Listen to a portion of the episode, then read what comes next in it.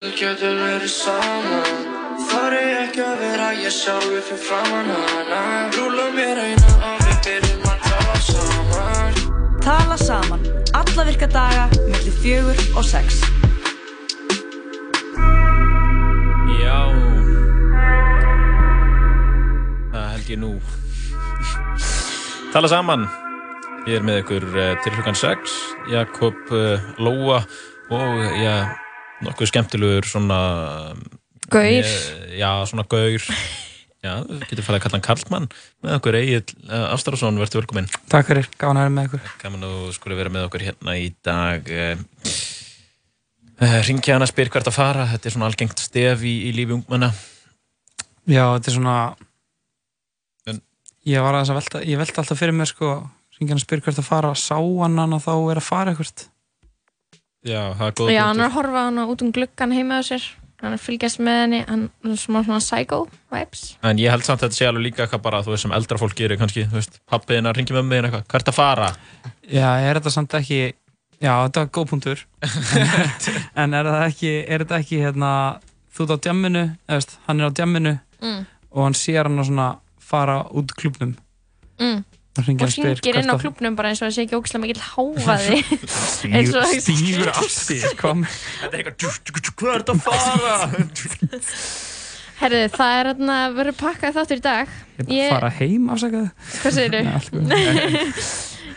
já, já, já, það er pakkað þáttur í dag Freyja Stengrims, hún er stjórnmálafræðingur hún er, er uh, væntalega til okkar og hann ætlar að útskýra fyrir okkur Boris Johnson hann var að nýkjörin uh, fórsettisáþra Breitlands Brexit, það er að gerast. Jakob, þú ert hættur í stjórnmálafræði, ekki? Jú, jú, en uh, já, Boris Jónsson, hann var að taka við, já, en bætti fórsetisræðara í... Ég er með nokkra alvarlega spurningar fyrir Freyju, sko. Já, mitt, mitt, mitt teika á þetta er búið að vera eitthvað svolítið svona að maðurinn lítur út eins og trúður, skilur það er, verðist líka bara vera smá svona teikið á netinu, sko. Ég er náttúrulega guð Já, þú, þú ert launsónur hans Jakob Borisson. Ég held, ég held einhvern veginn að hans svona ferli, þú veist, að mér fannst hann taka eitthvað svona reisastóran, svona, svo kallar L, eins og ég segjum, svona Mm. tap hann veginn fyrir löngu síðan. Mm, mhm. Og ég einhvern veginn svona held að það verði það bara búið. mm. Já, en svo náttúrulega fær þú veist, eh, reynir Theresa May að sitja þarna og, hún segir af sér og þá er bara næsti skilur við inn þetta er raunni En Að þau, hvað, þau eru sama flokki eða? já, já, já. já, þetta er raunni bara næsti Þetta er- formaður íhaldsflokksins Hann svolítið svona skapaði þetta bergsæti miklu leiti, sko. Hann fór gegn uh, sittendu formanni þá og, og hérna kom svona síðustu stundu. En síðan á endanum var einhver stuðningsmaður hann sem sagði að hann ætti ekki að vera fórsetisræðara og eitthvað svona. Veistu hver var að peppa hann að hann á Facebook? Uh, Þinn besti maður, Jakob. Hver? Magnús Hlynur Hreðarsson. Já, heyrðu, ég sá, ég sá hann skrifa á Facebook bara að þetta verist þeirra... Kóttu með það. Takktu það. það er ekkert, ég get ekkert ímyndið við hvernig hann er heimi og þessu bara, Jú. það verið skemmtilegur og fyndin maður og það var ánægilegt að sjá hann í starfi hann er litur ykkur karakter hann var svona bara á Facebook. Hann skrifaði bókstæðlega að það er gaman að sjá hvernig hann myndi hrista upp í stjórnmálunum í Breitlandi. Eins og sé upp í ekki, nó- stjórnmál með Bretlandi. Eins og sé ekki nógu hrist. Eins og það sé ekki nóg mikill smúði í þessi ris. Já. ég kannski að segja ekki nóg af einhverju svona rætt nazís þann úti sko. Nei, en sko málið er samt eins og æðislegt með Magnús Lína hann tekur allt og gera það jákvæmt hann bara fer í eitthvað umrætt flug með váver til tenni og er bara það var frábær þjónusta en við þurfum ekki Og meira taskan komst alla leið. Já, en við verðum samt með já, litrika karaktera líka í þessum þætti þó svo að, að séu ekki svona já, við sko lefileg Boris en já, tölvert jákvæðari hátt uh, Mhm. Guðjón Ragnar Jónasson rítvöndur bók, bókaútgjöfandi og já, íslenski kennari við mentaskólanir Reykjavík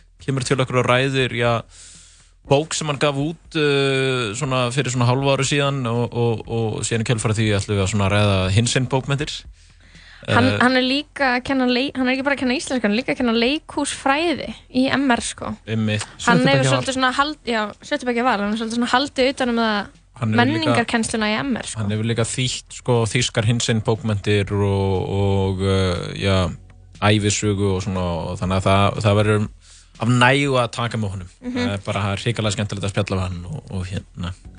Og svo kemur uh, Steinun Ólina Hafleðadóttir hún verður hérna og við ætlum að tala um málumni drusligöngunar, það er náttúrulega druslugangar um helgina. Mm ég uh, er greinlega ekki búin að fylgjast nóg með, með út af því að ég fattaði ekki að vera núna um helgina. Skilur en þið, þið vissu það? Uh, Já, Já. Ég, ég komst að því. þú komst að því. Ég já. man, ég man alltaf að þetta er síðasti lögudarinn í júli þetta er það, ok. Og uh, ég hef uh, nokkur sem ætlaði að mæta, ég hef aldrei mætti druslagönguna. Já, ok. jú, þú hefur mætt Nei, jú, ég sé ykkur eldgamla myndaðir á druslugöngunni nei. ok, Það var ekki hann. allavega Ekki hérna að klína þess eitthvað Ok. á Jakob. ok, Steinólina, hún er, sem sagt- hún er ekki einn að skipuleggjandi gönguna, hún var á svona druslupanel í gær í Mhm. uh, félagsmyndstöðinu í Östubæðaskóla sem heit Ung druslur og umræður og það var svona panel sem var opinn öllum Einmitt. sem að spurja hana nokkur spurninga og svo ætlum við bara farið í fréttir Já, Mér er sko, mér er svona að því hún tala með, þú er ekki vita að hún væri um helgina og Já. síðasta helgin í júli, þú veist, ég bara svona var ekki alveg, ég skil ekki að þessi komin síðasta helgin í júli, sko. Nei, mér, nefnilega, mér líður eins og að sé mæ tímun líður. Mm. Hann líður svo hra. Nei, en það er samt, það er þannig, hérna, þannig að það er aldrei að vita nema að ég mæti þarna í fyrsta sinn, druslagönguna. Já, ég held að við getum öll samanast hér um það í stúdíunni að það er þið druslingunni sannur heiður að þú myndir nenn að vakna til að fara í hana. Nei, ég hef viljað verið eitthvað svona erlendis út á landi. Já, já. En maður er í bænum til þess að mæta þarna og peppa mikilvægt að við höldum áfram Mhm. eða ég held það en hvað, sjálfsögðu. hvað er Jakob síðan ekki miðvíkudagsmítuna eða Jú, við höfum eitthvað rætt það, að, að það væri kannski komin tíma til þess. miðvíkudagur Ég var nú síðast með einhverja, einhverja mýtu sem var uh, ekkert sérlega vinsæl sko. Fólk var ekkert búið að lánast með mig en, en við munum... Þú Uh, hvað var það? Ég mista því. Það var eitthvað, eitthvað Hvað um var það? Einstein. Það var eitthvað um Einstein. Og síðan... sko, það er alltaf það er Síðan ein vorum mýta við sem er að alltaf tala um hérna að- pissa gemt í pungnum Nei, Þá- það var sko prumpur gemt í punktnum. já, Hérna- það er, Var það, það er óþólandi sko. Já, þetta er mýta sem maður hafði eitthvað heyrt, sko, ég veit ekki meira um það. Nú verðum að reyna að fara í hvort myndur frekar eftir líka því. Þetta er. já, einn af mínum uppáhaldsleikjum Já, það er líka gaman að fara með, með allir ástrásinni í það. hann Þú er styrlaður í hausnum líka Maður tala bara reyna íslensku, það er bara henni. Nákvæmlega. Um, já, hvað segir þið? Við ekki bara að dempa okkur í eitt ískallt lag Getum og við ekki bara... fengið að heyra nýja lægins loga? Getum við ekki hlusta á svörtu ekkuna? Það er eitt mitt uppáhaldslega þess að Það dagana, er mitt sko. upp á að slæða í dag. Ég, Já, þú vilt ég, heyra það? ég alveg sturlaðist þegar ég heyrði það á miðnætti í senstu viku, sko. Einmitt. Ok. Nú, um, ég vil nú ekki að sturlist í stúdíóinu, en vonandi kemur þetta Ég í er búin að gýrin. róast, sko, núna. Ég er Ég alveg til. Ég er alveg Allt í lagi, við skulum hlusta hér á uh, Svörtu ekki með Lóa Petró. En, uh, Njótið. Já. Ég held þú vitir hvernig mér líður Ég löngu búinn að gefast upp á þér því miður Svo ég spyr þig hvernig þér líður? Að leika þennan leik og brjóta okkur niður. Því ég stend enn Stærri nokkuð sinni fyrr. Já ég reis upp Hærri nokkuð sinni fyrr. Og ég elska Heitari nokkuð sinni fyrr. Hver þið með því síðasta sinn svarta eggar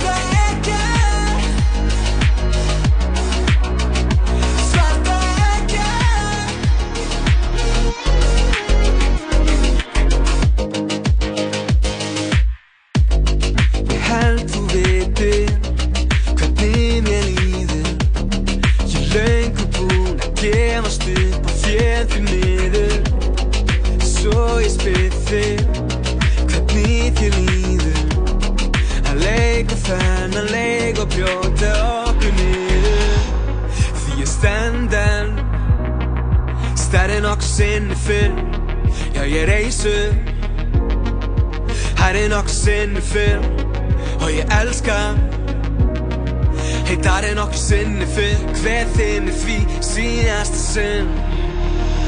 Svarta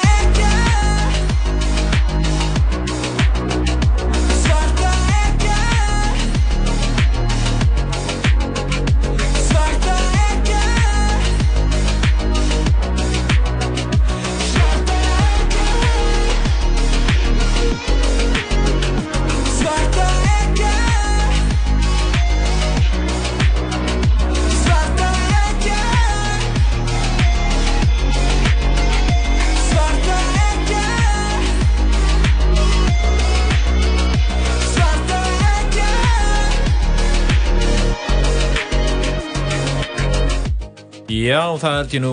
Svarta ekki með Lóa Petró. Ríkulega skemmtilegt lag eh, Já, kom út uh, nýverið. Það að tala saman.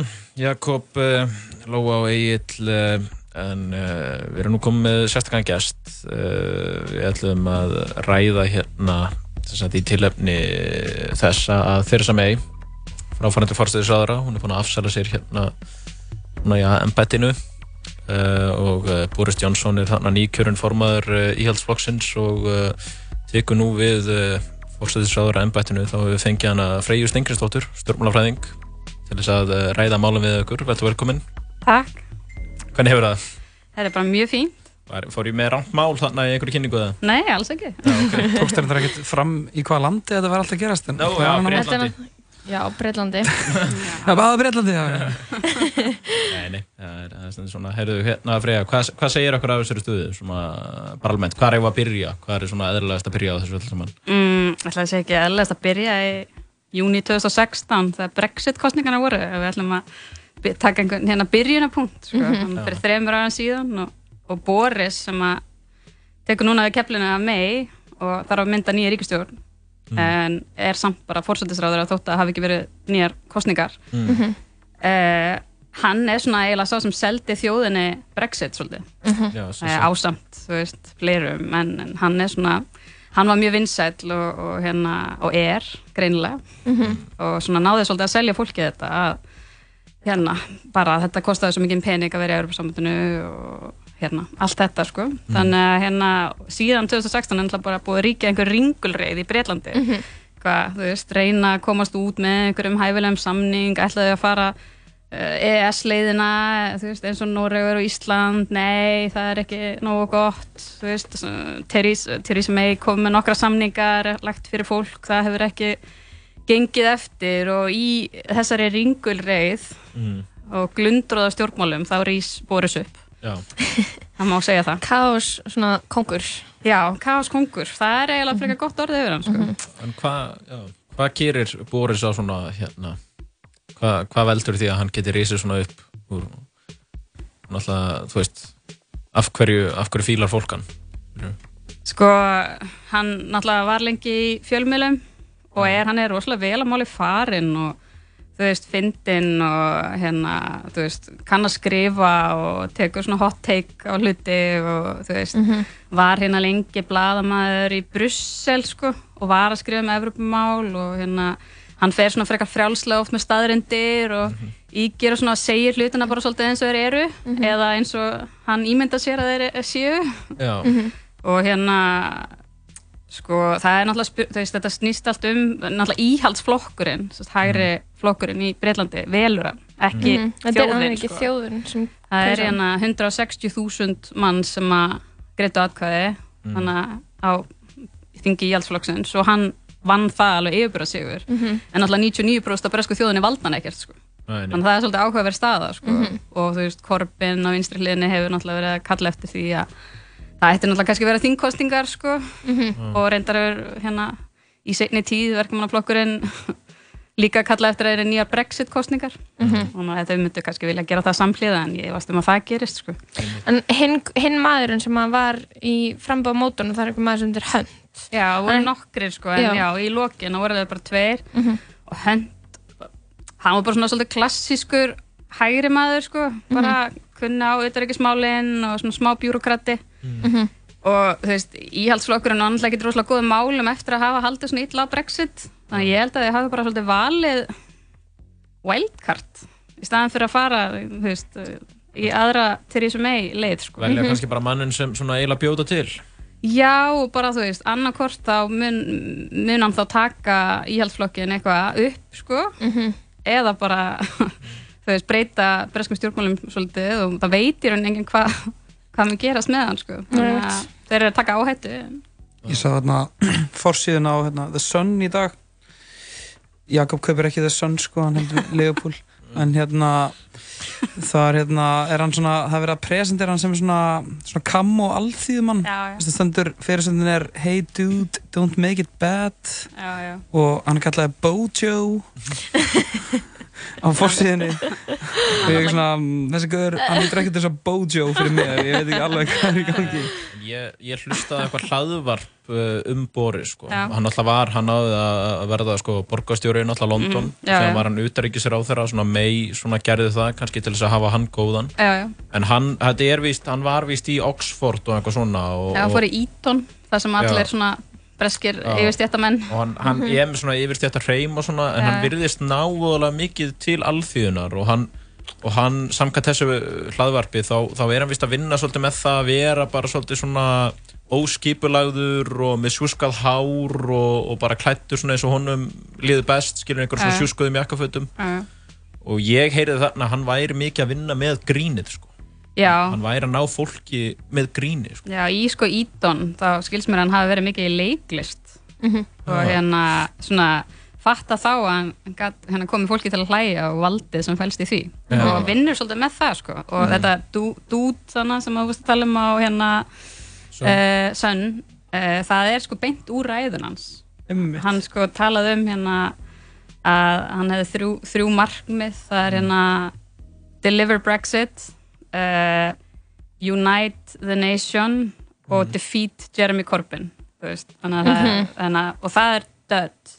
Og það þýðir, þú veist, eitthvað leim uh, veist, ég veit ekki nákvæmlega þýðinguna á bresku dödd. En hann var eitthvað, en þeir eru að gleyma enu sem að er eitthvað, ég man ekki sinni hvað það var. Nei. þannig að, þetta er bara dude Já, þú veist, það var eitthvað brandari sem hann sagði í ræðinu sinni þegar hann vann, sko. Þetta er vel hlægt líðin Já, Mhm. íhald, Það er er alveg bara, þeir alveg trilltust við þessu. Já.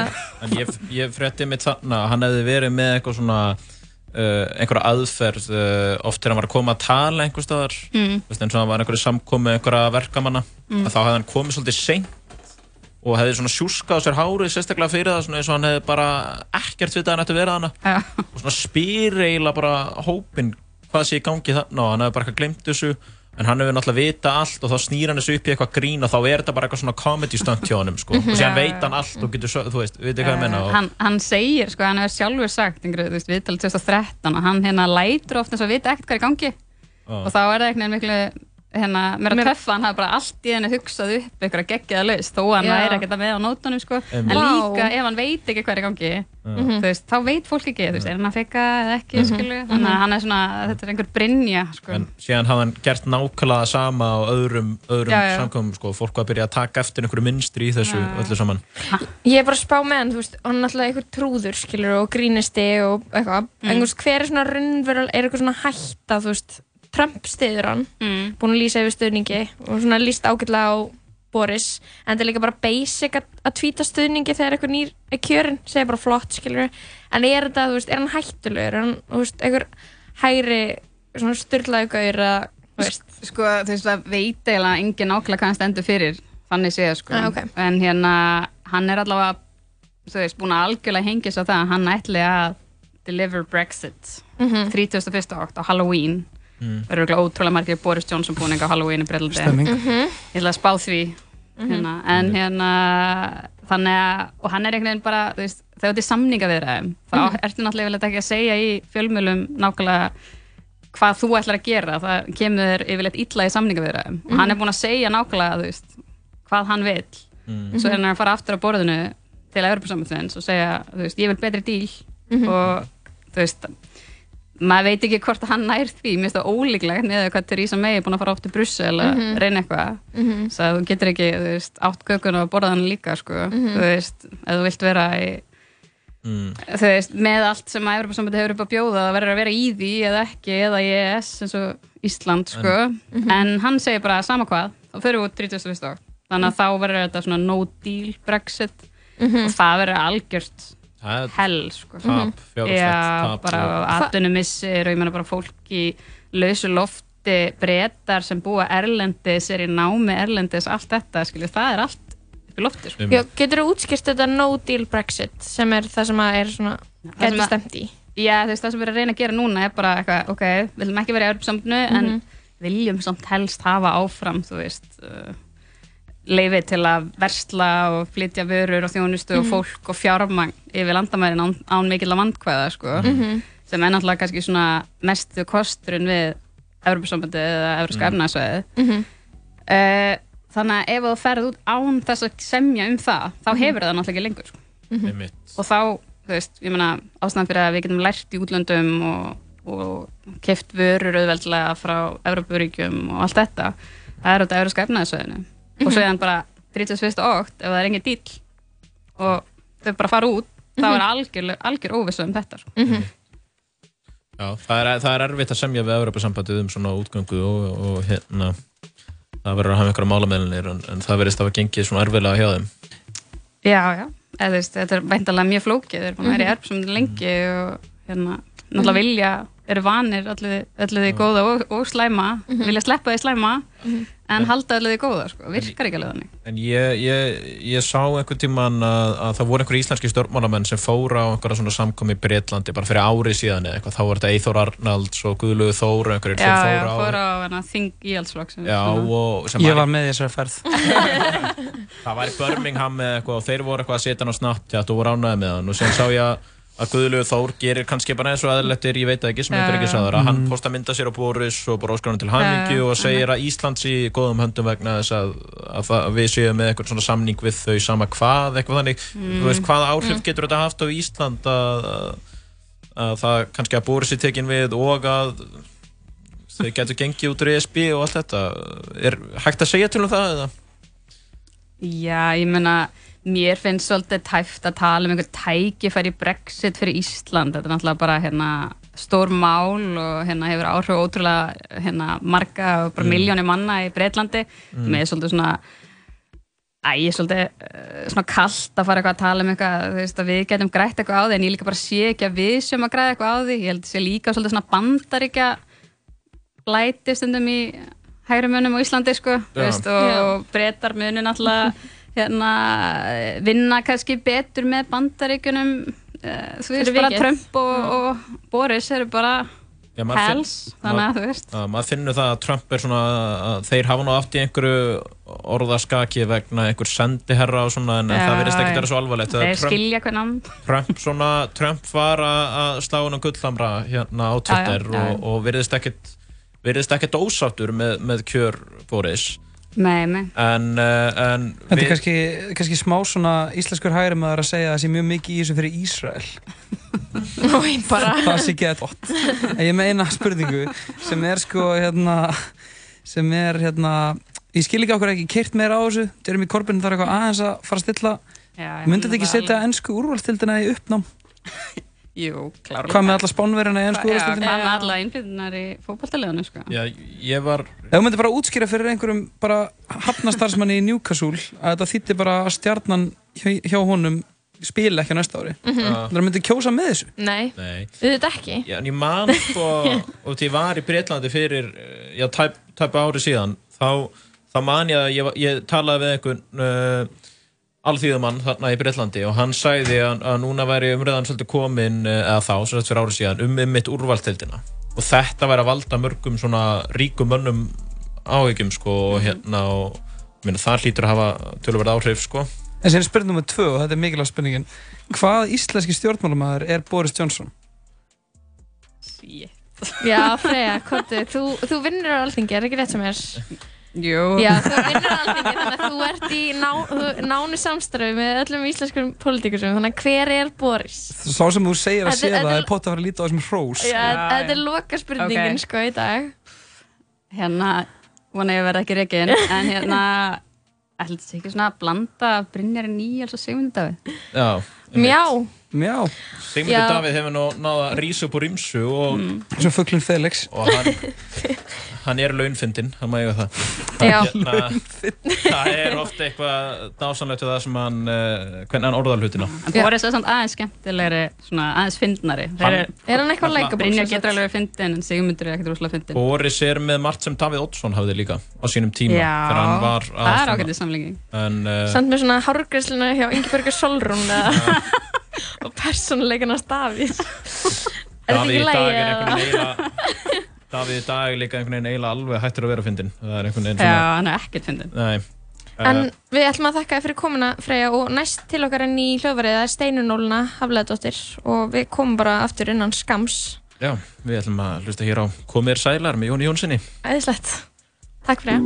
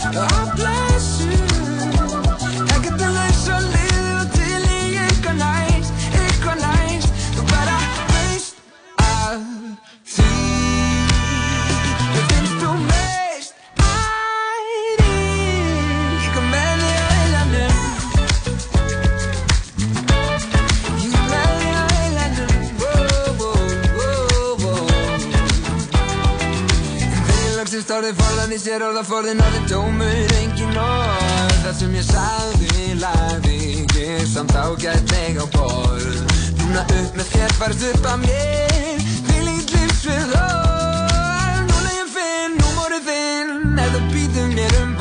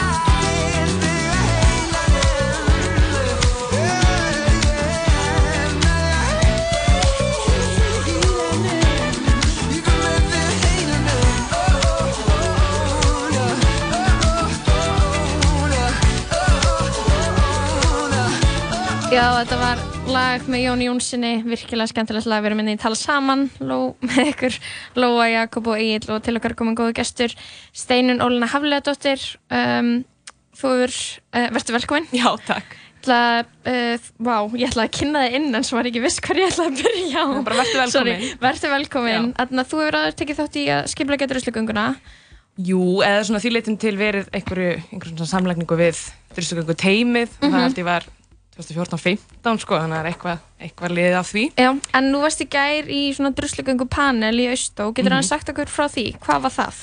Það var rauninni bara svona viðbörður sem átti að, að svona miðla því að, að fólk fengi að tala og spyrja spurninga um hvort það var bara feminismi, jafnbrettisbaráttan eða einhverja svona já, einhverja vangaveltur sem að ungi krakkar kannski hafa verið að velta fyrir sér en ekki endilega vita hvað þau að leita uh, til, eða þú veist, Ok. hvernig geta fengið sér svör. Og þetta var rosalega hérna, bara skemmtilegt að koma mæting. Og það var svo gaman að sjá að þetta var haldið hann í félagsmyndstöð Östubæðaskóla að hérna hvað var margir ungir krakkar sem mættu. Og hafðu virkilegan áhuga og einlagan á því að, að einhvern veginn fræðast meira um Og voru það, voru það aðalega svona krakkar rólingar að spyrja ykkur spurninga eða hvernig var það? Já, bæði og og deila sínum reynslum og einhvern veginn veist, velta fyrir sér bara nú er ég búin að upplega þessa aðstu og hvernig ég að breyðast við. Og þetta fór alveg niður í það bara nú er vinur minn gerandi og hann er búin að segja þetta eða hitt og hvað, hvernig ég að breyðast við. Hann óttast þetta og, og ég er búin að segja þetta en hvað er í gangi? Og, hérna, og rosalega margt af þessu var svolítið svona hvað segja, vorum að ræða gerundur voða mikið.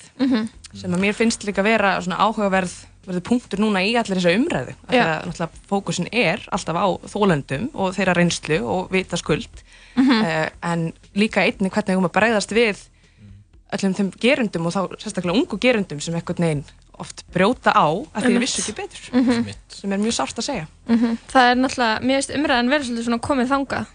Búið að opna á þú veist, druslu skam eða eitthvað þannig Já. og svona orðið eðlilega að tala um þetta og, og þannig fara með þetta til lauruglunar og segja vinu sínum og eitthvað en það er ennþá svolítið svona óljóst hvernig maður á að díla við þetta að maður þekkir eitthvað sem er gerandi. Já, og einmitt líka sko fyrir sko sjálfa ábyrgð gerandans af því að mér finnst ég sjá oft að heyra af málum þar sem þú ert kannski með einmitt aðila sem fattar sjálfur bara ég er gerandi, ég gekk yfir strikinn gerir mig grein fyrir því og hann tekur kannski ábyrgð á því sko hjá sjálfun sér. En hann þorir ekki að segja það ópenbarlega þorir ekki að viðkynna, þorir ekki að játa það á þann veg að hann geti farið að vinna í sínum málum, að því hann er svo hrættur um það þá gerandinn, hvað gerist, af því að það er líka svona kom stór bylgja af þessum skoðunum sem að þátt alltaf bara kött alltaf gerundur út. Og þá auðvitað ef að fólk heldur að já, ég meina ef að ég kem fram og segi, jú, ég hérna braut á hvað, missi ég þá bara fjölskylduna mína, kærustuna, kærastan vinnina alla mína, mína, já. já. og þá kannski gerist það að gerandan ákveð frekar að neyta allir sök og segja bara veist, nei, það gerist ekkert og þetta eru bara legar og það náttúrulega meðar okkur aldrei áfram. En þarna uh, þessi ganga, hún er núna á lögadaginn mm og hvers vegna er, er ennþá mikilvægt að mæta í þessa gungu fyrst þér? Til að fatta maður sé ekki einn. Mhm. ég held að það sé alltaf svona stærsta stærsta upplöfinu sko að hvað eru margir sem mæta. Mhm. Þú veist, ég ætla að bara tengja þannig því ég mætti fyrst í mína göngu og þá sem þólandi og ég fatta allt innu bara vá, við erum öll hérna saman. Mhm. og, þú veist, og þessi svona valdefling sem kemur út frá því Mhm. er svo mikilvæg. Og líka einn mikilvægt að fatta þú veist, sko sjónrænt hversu margir er að berjast fyrir betri sko svigrúm til að ræða þessa hluti, þú veist, er að krefjast hlutra sem, hluta sem eiga að, að, að valda betrun í samfélaginu á þessum sviðum. Og þannig og ég held að við séum líka rosalegir svona einmitt, að sjá okkur svona sjónrænt og stórt og mikið það ítir fólki áfram í það að kannski viðurkenna vandan sem hefur náttúrulega verið gert en þó líka að sko krafan halda, halda alltaf áfram. Þannig að við gleymum þessu ekki. Og sjáum aftur og aftur hvert einasta ár hvaða eru margir sem eru sem að berjast fyrir þessu. Og uh, sko það, þetta er svona vika eða ekki, er ekki vika fyrir gönguna þess að vikan er núna, nei, þess að gangan er núna lögudaginn mm og er ekki, það er búin að vera svona einhverjir fræslufundir eða, eða Jú, samkomur? Já, mér sýnst þetta myndi vera bara ansið vel skipulagt hjá þeim hérna í druslugangu teiminu, hvað var þar svona, svona hvað segir maður, já, viðburði sem Já, er að koma, eins og ég, ég held að mánudaginn þá voru þeim líka með svona spjall og eitthvað svona bíómyndakvöld á kaffi laugalæk. Og það vist mjög vel sótt og hérna gæra var mjög vel sótt í þennan druslugangu panel og í kvöld er síðan hérna druslu pepp kvöldið í gamla bíó. Byrja klokkan átta minni mig. Á fimmtudaginn er skilt að gerða loft. Þannig að þetta er, já, margt í bóði eða svona í gangi. Og hérna og svona einhvern veginn gerir mann tilbúið fyrir því að arka á allri hörku hérna á laugadaginn þannig að það er geggjað Þetta er svo stór ganga sko, það kemur alltaf á óvart hvað mæta ótrúlega margir og þegar stundum liður mann eins og sé svona tíu feministar á Íslandi Já, og, og, við, við, að það sé ykkur tíu Já. konur að tala saman á Einmitt. internetinu og halda upp feminismannum og fellan og já, já, og Nei, svo mætir maður og þá líður mann bara svona eins og og veist, allir í Reykjavík sé að spá í þessu Nei, einmitt. Og þetta er líka bara átt þess á því að druslugangan er fyrir alla. Veist, hún er Mhm. fyrir fólk sem að, jú, er fyrir feministana og er fyrir þólendur og líka aðstandendur Mhm. og bara alla þar í kring, sko. Og það Mhm. skiptir ykkur máli hvað árætti líka maður hefur svona upplifað. Þú átt alltaf tilkall í því að, að átta á því hvað er mikil gerenda meðvirkni í, samt, í samfélaginu Mhm. og, og nöðguna menningin ennþá ríkjandi Mhm. og þú veist, auðvitað gengur því ég hef heyrst, sko, mér varst eitthvað tíma svo súrta að þarna ein, að hafa heyrt eitthvað tíma að einhverjum fannst þess að hefur ekki brotin og mikið ásýrslega mega ganga í göngunni. Og þú veist, og þetta kannski er eitthvað sem fólk tengir ekki við að hugsa einu sinni, að þetta er svo opið og, og flott umhverfið sem drusligangan býður upp á. En fólk er náttúrulega að mæta þarna líka sem bara stuðningsmenn eða þú veist, bara svona band, Já, eitthvað svona, já, samstöðu. En líka átt þess að því það kannski maður heyrir svo oft af þú veist, þessum bara ljótustu dæmum. Já, og við erum alltaf held ég ennþá á ákveðnum gráu svæðum það hvað er brot, hvað er óheilbrygt og hvað gekk yfir striki og allt það Mhm. og fólk átti sig á því að þetta getur byrst í öllu myndum og þú hefur alveg mikið rétt og annar á að koma hana og segja þína sögu Mhm. það er aldrei neitt að fara að gera lítið úr því Akkurat, en nú er ég líka að hugsa, skilur, það er svo mikið búið að breytast í samfélaginu, það er búið að vera me too, það er Mhm. svona búið að taka umræðuna um kennferðsofbildi Mhm. rosalega mikið og kannski komin þreita í suma um, og það, líka, já, það er líka mikið búið að breytast, skilur, við sjáum alveg, alveg hugafarsbreytingu, þannig að þú veist, ég er að veltaði fyrir mér, þú veist, þarna, er mótlætið virkilega ennþá til staðar, skilur, er er ennþá eitthvað svona veggi sem þarf að brjóta niður? Og, og hver, þú veist, hvað Jú, upplifir þú? ég meina ég held að við finnum alltaf vissu leiti veist, annars værum við ekki að ræða þetta einu Mhm. sinni, af því að við erum við erum það að sé bakslega í samfélaginu og mér finnst það oft einhvern veginn meðast að því að fólk er að sko, og sérstaklega ungir strákar er kannski að taka þessu persónlega og það má alveg tengja þetta við uppgang fasismans í Evrópu að sjá Mhm. svona hvernig þetta hugarfar á það að þú veist að ég á bara að sjá um sjálfa mig Mhm. og allt annað er árás á mig Mhm. og einhvern veginn hvernig það er verið svolítið að implementera einhverju hugafæri um það að þú veist ná tilbaka þessu valdi Mhm. og hvort hann sé sem karlnar eða sem hvítur einstaklingur eða sem þú veist einhver auðugur aðili Mhm. hvað sem það er og þannig kemur baksklæðið að því að það er búið að að byggja sko að búa til hérna svið þar sem fólk einhvern veginn hefur normalisera það að hafa þessa skoðun. Mhm. og þannig lítur á sig sem einhvern svona baráttuhóp líka. Að þú veist það er orðið eins og sé sko komin hópur af baráttufólki að sína bakslag eða þú veist Mhm, og samþykkt, samþyktur hópur sem að berst gegn því að fólki líði betur. Já.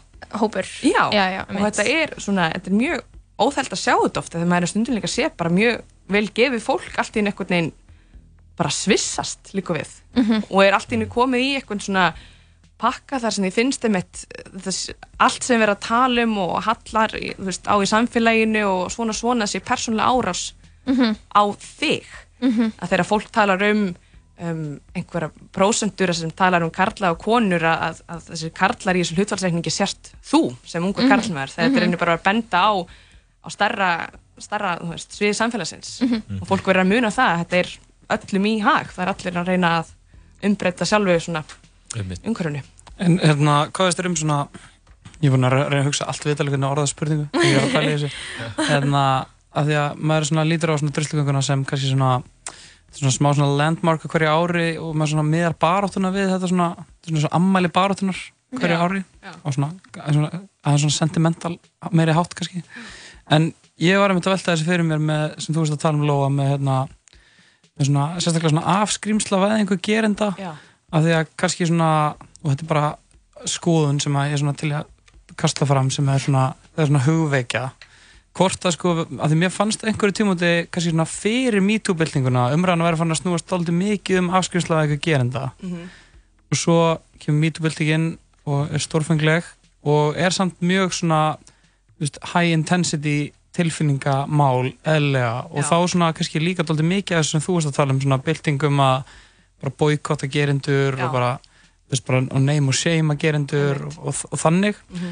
og svona, svona ég var svona velta þessi fyrir minn daginn hvort að, og án þess að það sé eitthvað endilega eitthvað slæmt, þú veist, það er bara svona náttúrulega hluti að þróun í baráttunni, sko en hvort að svona afskrimslavæðin gerenda hafi tekið svona skref aftur og sé svona kannski dálítið að koma svona aftur tilbaka Já, ég meina, gæti verið sko því að ég held að þegar maður horfir til dæmis á Me Too, eins og segir, mjög mikil margar tilfinningar sem koma hérna í gang Mhm. og, og sjá bara stærðina á því hvar gerindur eru og hvar þólendur eru og Mhm. þú veist þessi normalisering á þeirra hægðun og, jafnvel, og stuðningur og, og fleira að ég skil rosalega vel að hugsa burt, burt með alla burt með alla þessa gerendur bara, oi, bara farið Mhm. það er svona flæðir upp veginn Já, að því að líka sama skapi skilji líka reðina á að sjá vera að nefna þessa gerundur og fullta sögum og það eru aldrei afleðingar og, hérna, og auðvitað vill maður oft bregðast harðari ári þá og segja núna skulum við hafa afleðingar og núna verður fólk nafngreint og þetta og hitt. Og ég skil hvað það kemur en að sama skapi finnst mér þetta allt snúast um aftur að við gefum okkur tíma til að skapa svegrum í samfélaginu til þess að ræða þetta meta. Að því að að vissu leiti myndast vist hugafar og mér fannst það aukast eftir MeToo að fólk, þú varst með það á móti. Og maður fær sem til fólk sko, sem segir sko, já, ég stifi þetta. Get sem þetta ekki alltaf fært rauk fyrir því af hverju en ég veit að þetta er gott og þetta er slæmt. Og fólk þóri kannski ekki lengur að spurja sko, en byrja af hverju er það samt þannig? Af því að þú heldur að ef þú spyrir og segir byrja, er þetta kannski mikið, er þetta kannski lítið? Það segir fólk, byrja, hvað veistu það ekki? Ekki, varum hvað er í gangi? Lestu fréttinar? einmitt. og hérna og mér finnst það mjög slæmt af því að það þarf, af því að það getur séð fólk sem er rosalega afviti í því að sko bara gerundur að taka afleggingum og nafn er að byrtast alls staðar og, og þetta og hitt og, og að sæta þá. En síðan allt í einu áttar þá því að besti vinnun er gerandi. Það er ekki svo og þá, já, þetta sé ekki svona einfalt. Og þess vegna hef ég oft talað um í, í öllu þessu, því mér finnst oft í þessum hérna, baróttum og, og samfélags svona byltingum að við erum einhvern veginn alltaf að tækla fylgifiskana af rótinni já, og að samanskapi finnst mér að vættum miklu fremur að vera að átt okkur á því að til þess að komast að rótinnið þurfum við að byrja að eiga þessar samræður mjög ung einmitt. og, hérna, og það fyrir bara neyri mentakerfið og mikilvæg þess að, að kynfræðsla verði gerð bara mjög markviss þarna innan skólakerfisins einmitt. og hérna í faramálskólanum, kynjafræðin Mm. og ég skil ekki fólk sem vælir gegn því sko, af því að við verðum átt okkur á því að þú veist minna maður er ekkert á ung, þú veist, við erum ekki að tala um að fólk í fyrsta bekk sé að fara að ræða klám en það er hægt að ræða virðingu og það er hægt að ræða þú veist, þetta og hitt og af hverju þetta marka sér svona gagvar þér þegar þú ert að þessu kyni Einmitt. þetta og þetta, til að fólk ja. sko, myndi þessa gaggrina hugsunu gaggrina hugsun sem séðan veldur því að við getum vonandi setna meir átt þessa sko umræðu um gerendur og fleira sko, af, sko með vissri ró þú veist. Þegar ég skil rosa mikið að svo rósi er náttúrulega ekki alltaf til staðar. Ja, Steinun Ólja Steinun Ólna Stólína stólina. Já. uh, Þakka þér kjalla fyrir komuna. Já, takk fyrir. uh, Druslugangan er á tvö, Klukkan 2, það ekki? Mhm. uh, druslu við- pepp í kvöld á, í gamla bíó. Mhm, Klukkan átta.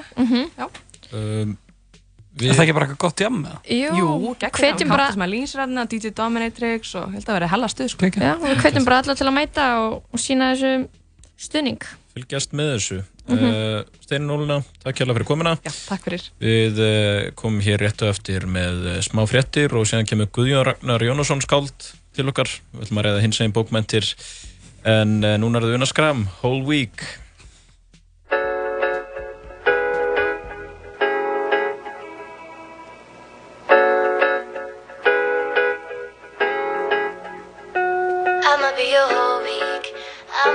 24-7 Always open for you 7-11 a.m. through p.m. Weekdays and weekends I'ma be your whole week I'ma be your whole week When we first started talking I was sprung Felt it was something special from day one And I wanted to be there every day after that Hey Felt like I had known you for years But at the same time talking to you felt mysterious I don't know now you let two whole years go by, and to this day I still wonder why I was so lucky to get to spend my time with you.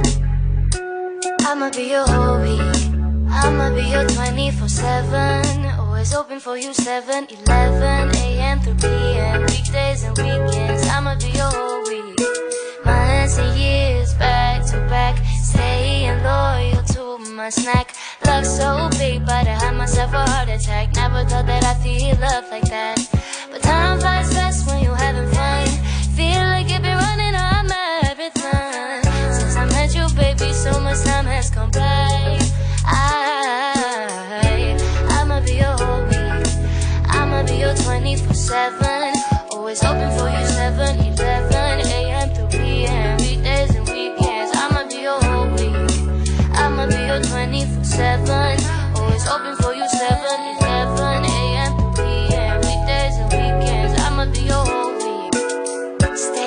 about that smile that you have. Stay loving how much you make me laugh. Stay with you through the good and the bad. You gon' see, baby, with me, I can make color out of black. I'ma be your whole week.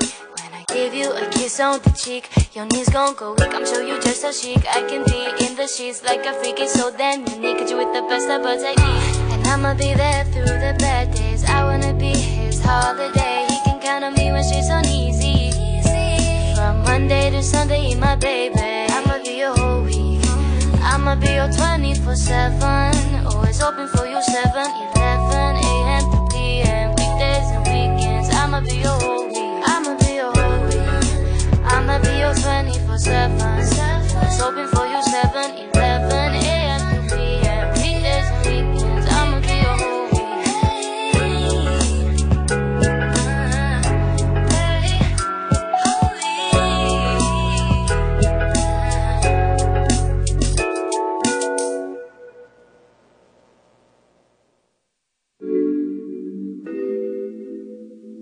þáttur músli, alla virka morgna með Lóða Petró og Sigurbjarti.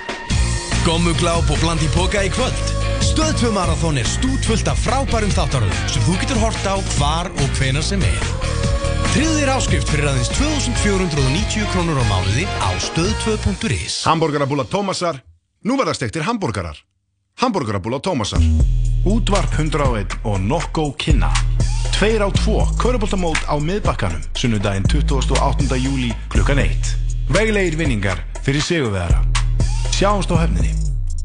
Landsbankin kynni Stark chose you Eftir atbyrði Avengers Endgame þarf Spider-Man að stígu Are you going to step up or not? Til að takast á við nýjar ógnir I just really miss him Í heimi sem hefur breyst að eilífu I don't think Tony would have done what he did if he didn't know that you were going to be here after he was gone. Spider-Man Far From Home Frumsýn 3. júli Útvarp 101 Já, þeir að hlusta á Tala Saman, við erum minna Jakob, uh, Lóa og Egil og við vorum að kveðana Steinun Ólinu Hafleðdóttir sem að er í Ritstjórn Flóru, hún var að tala við okkur um uh, druslupanelin sem var í gæri Östubæðaskóla, druslugönguna og svona almennt hvað er að gerast núna í þessum málum og svo eru við komið annan gæst til okkar. Já, hann, uh, gesturinn hjá okkur núna er maður margra titla. Hann er uh, rítvöfundur, bókaútgefandi, þýðandi, íslensku kennari við MR og fyrirvarandi pundi, Guðjón Ragnar Jónasson. Verður velkominn. Já, það var ekki titlarnir en ég hef svona verið setna árið fengist við kennslu. Já. Aðalega hér í mennskólinu Reykjavík og svo Östubæðaskóla. Já.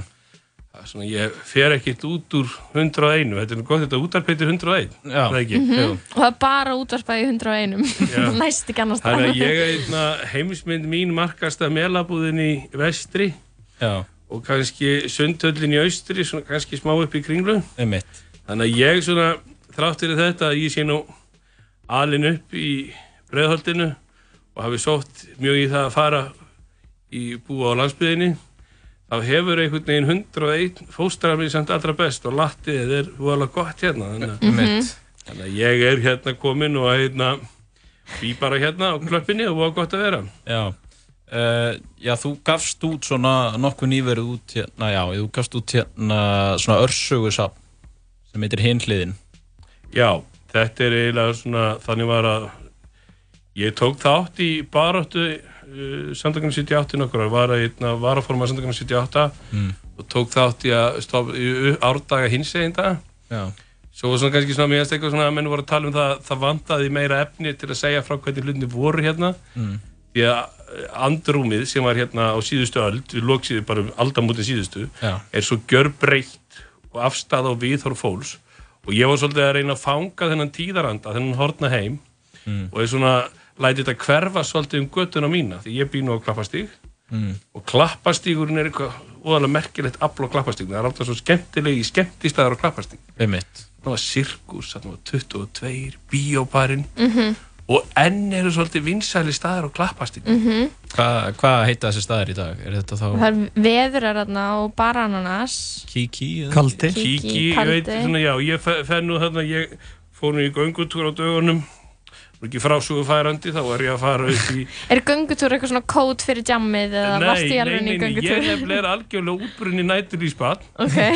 og fer ekkert út á skemmtana lífi en ég lappaði þarna einhvern tíðan um tóluleitu og sá að það var ennþá líf á klappastíknu því að það er opið núna í krambúðinu hún heitir nú eitthvað annað í dag Já.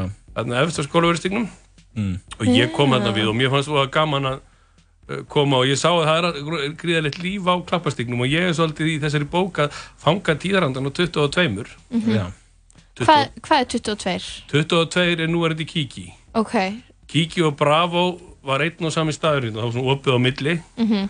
og þegar ég er eitthvað að fara á skemmtarlífi í Ganada þá er held ég alltaf inn á príkin, þá bara gumri íbúð svo var opnað hann upp, það er príki sem allt unga fólki er á núna, það verðist þér óa vinsælt Mm, já, og það, einna og, og, og einna þá var eh, B5 ekki til, það var Vestlunarbankin sko Mhm. og einna og Það er betur haldist þannig bara. Já, og einna, en, en einna, þannig að e, þannig að þetta er sko 22, þetta var bara íbúð sem opnaður upp, þetta voru bara skemmtistæðir Mm. það var svolítið öðruvísi skemmtarnarlífi var svolítið að vera til Mm. þegar í æsku minni var nefnilega allt bannað. Mm, mhm. Bjórin Bjór, var bannaður, það var ekki sjónvarp á 50 dögum þið hefði heyrt möndurna þegar fóreldrar eitthvað fara að tala við ykkur og segja það var allt svo frábært hérna áður fyrr. En það var ekkit frábært, það voru leiðilegt þannig að það er rosalega margt sem er miklu skemmtilega, það er alltaf orðið svo opið og breytt veröldin er að breytast svo hratt. Já. Mhm. En þú hefur nú verið að, að svona, já, þú skrifaðar þessa bók og, og gafst hann út fyrir svona, já, hvað hefur segja, halva ári síðan. En þú hefur nú líka verið að þýða svona hins einn bókmyndir og síðan hefur þú nú verið að skrifa um fórustu fyrir það ekki?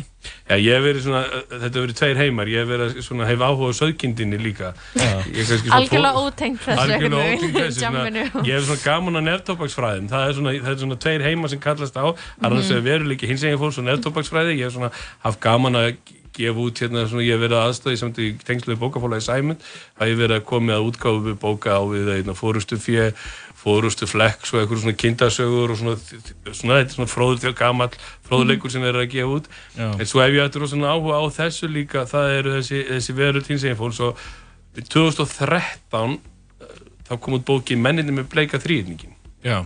Sú Mm. bók hefur verið notuð við kennslu til dæmis í Vestlunarskólanum og Flensborgarskólanum Já. og lýsir hlutskipti hommana í útrýmingabúðu nazista Mhm. og fleiri hópa því að það var líka sí- einna Roma Fóls segja um hvernig, uh, hvernig hlutskipti hvernig hlutskipti einna pólitískra fanga var Já. hlutskipti glæbamanna Mhm. og það má ég alveg segja að það lýsir svolítið þessi bóka helfur hommana uh, henni lauk ekki dætt í stríð Nei Mm. og þeir voru dæmdi nefnilega fyrir glæp sem var hérna 170.50 grein hegningalagana tísku Já. Og þannig að ég er svolítið að kalla þetta fram og þannig að það hefur ekkit sko, hommarnir voru mjög látt settir í stígveldiskerfi búðana og, og þeir fóru mjög illa út úr uh, setni heimstyrjöldinni Ég. Ég, ég man, ég las þið mitt þessa bók og, og, og þetta, þetta var kannski svona hópur sem hafði ekki, ég hafði ekki hugsað neitt rosalega mikið út í, sko. Ég, ég hafði raun og verið alltaf bara hugsað um, sko, gýðingana. Já. En þá ser maður þarna uh, svona frásagnir eins og einmitt uh, samkynniðra í, í þessum búðum og, og þetta er eiginlega alveg magnaðar frásagnir, sko.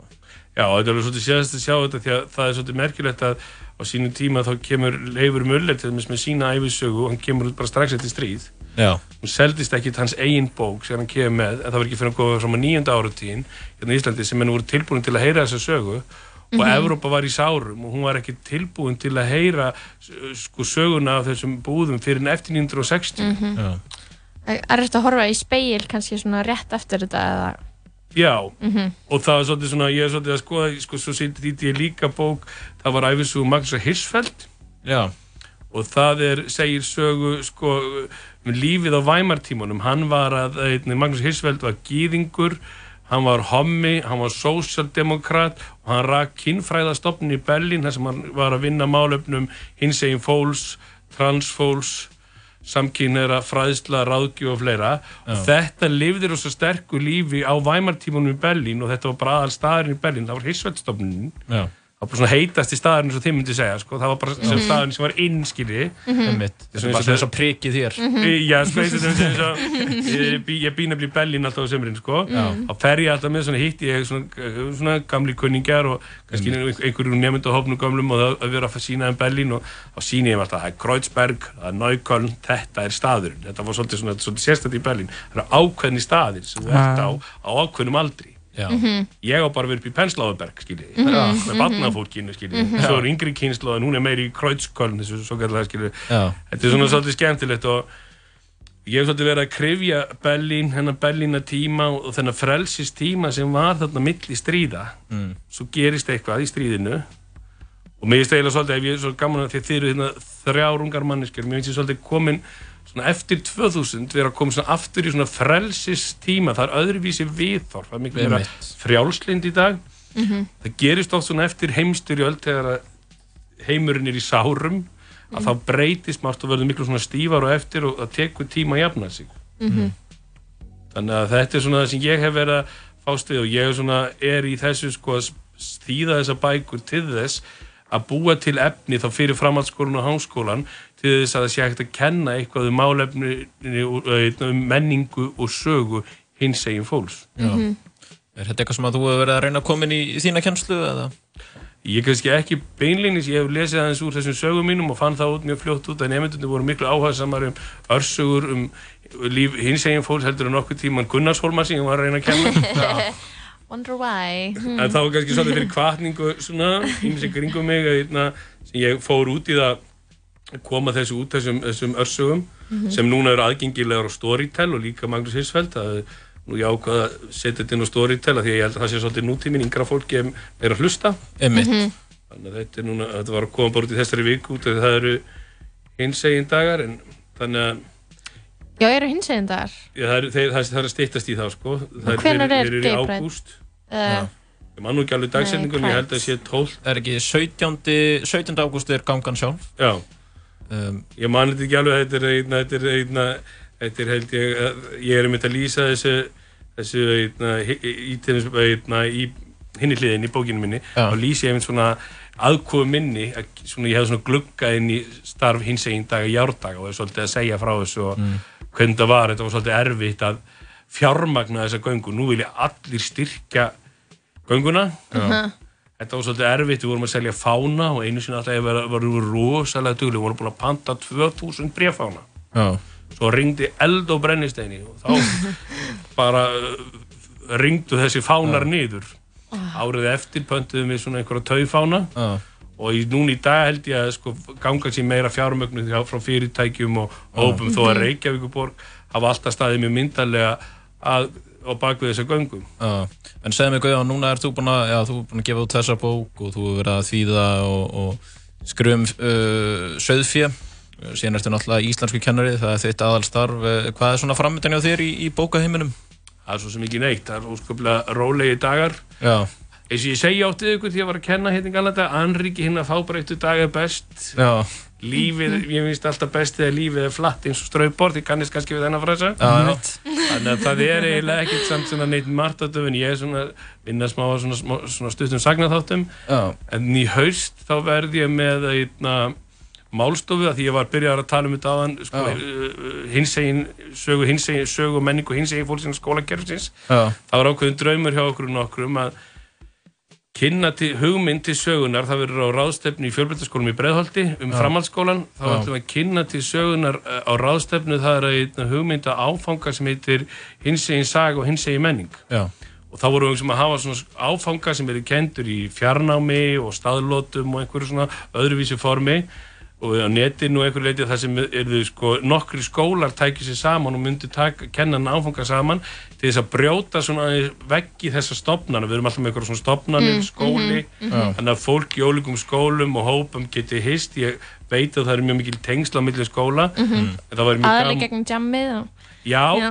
það er nefnilega sumir nefnilega, það er nefnilega svo skemmtilegt að hafa ekkit allir svo mikið áhuga á djamminu Nei, nefnilega ekki. Sumir hafa einhvern áhuga, það er mísmikill áhugi, en þannig er bara að fólk getur þá kynst og þeir sem hafa áhuga á þessum málaflokki getur þá lært og, og tengst og hitt fólk og þetta kannski getur líka verið út á landi og í Reykjavík, þannig að Þannig að við erum svona kannski svona hugsunni svolítið ný að brjóta kannski svona veggi Mhm. í stofnarinnar og skólans en að hafa málefni í forgrunni í samstarfi kannski samtökin 78, Háskóla Mhm. Íslands og svona hug, ferðast svolítið eftir nýjum leiðum og það er kannski það sem ég hef verið að gera í síðustluna ára og það er kannski þetta skemmtilega við kennsluna, hún færi manni ákveðnar, sko maður er með ungu fólki allan daginn og það er ákveð ákall, finnst mér alltaf til mín og annara sem er að vinna með ungu fólki. Við verðum að upphugsa nýjar leiðir og ferðast eftir nýjum Mhm. leiðum og það er þetta sem ég er að reyna að gera. Mhm. hvort sem það tekstið ekki eða brotaði það leiðir bara fram til, það kemur bara í ljós. Látum þetta vera að loka orðin uh, hér uh, Guðjón Ragnar, bara takk kærlega fyrir komuna Já, Gaman takk að fá fyrir þig komuna, Já. uh, Nú ætlum við að hlusta á uh, nýtt lag með Hjaltalín Love from 99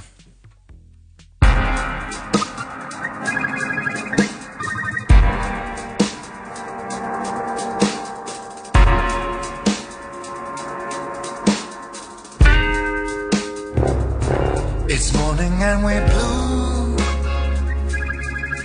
Cause what happened night through was made for me and you. And now it's gone. There's a certain kind of love that will show us the way. So when your lips meet mine, I know I'll ask. And will you take me just this time?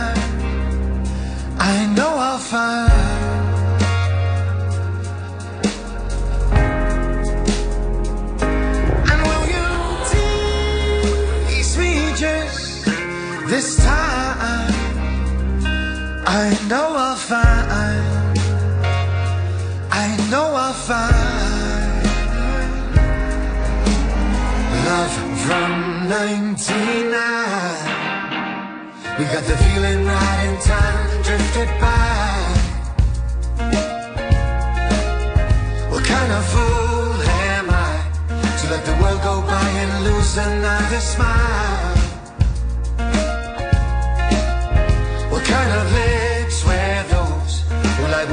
Kiss and now I feel the miss? It's time for love from 99. We got to dream a life, but we had to say goodbye.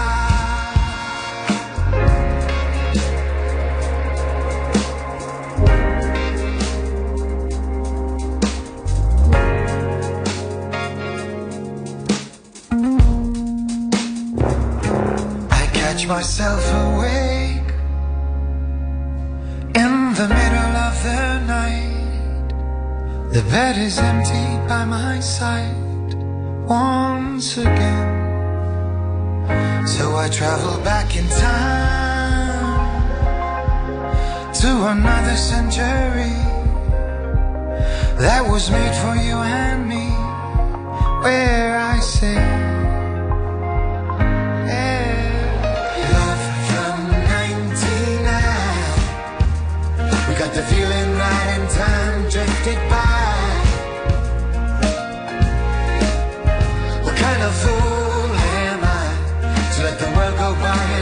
Another smile? What kind of lips were those who lied with every kiss and now I feel the miss? It's time for love from 99. We got to dream alive, but we had to say goodbye.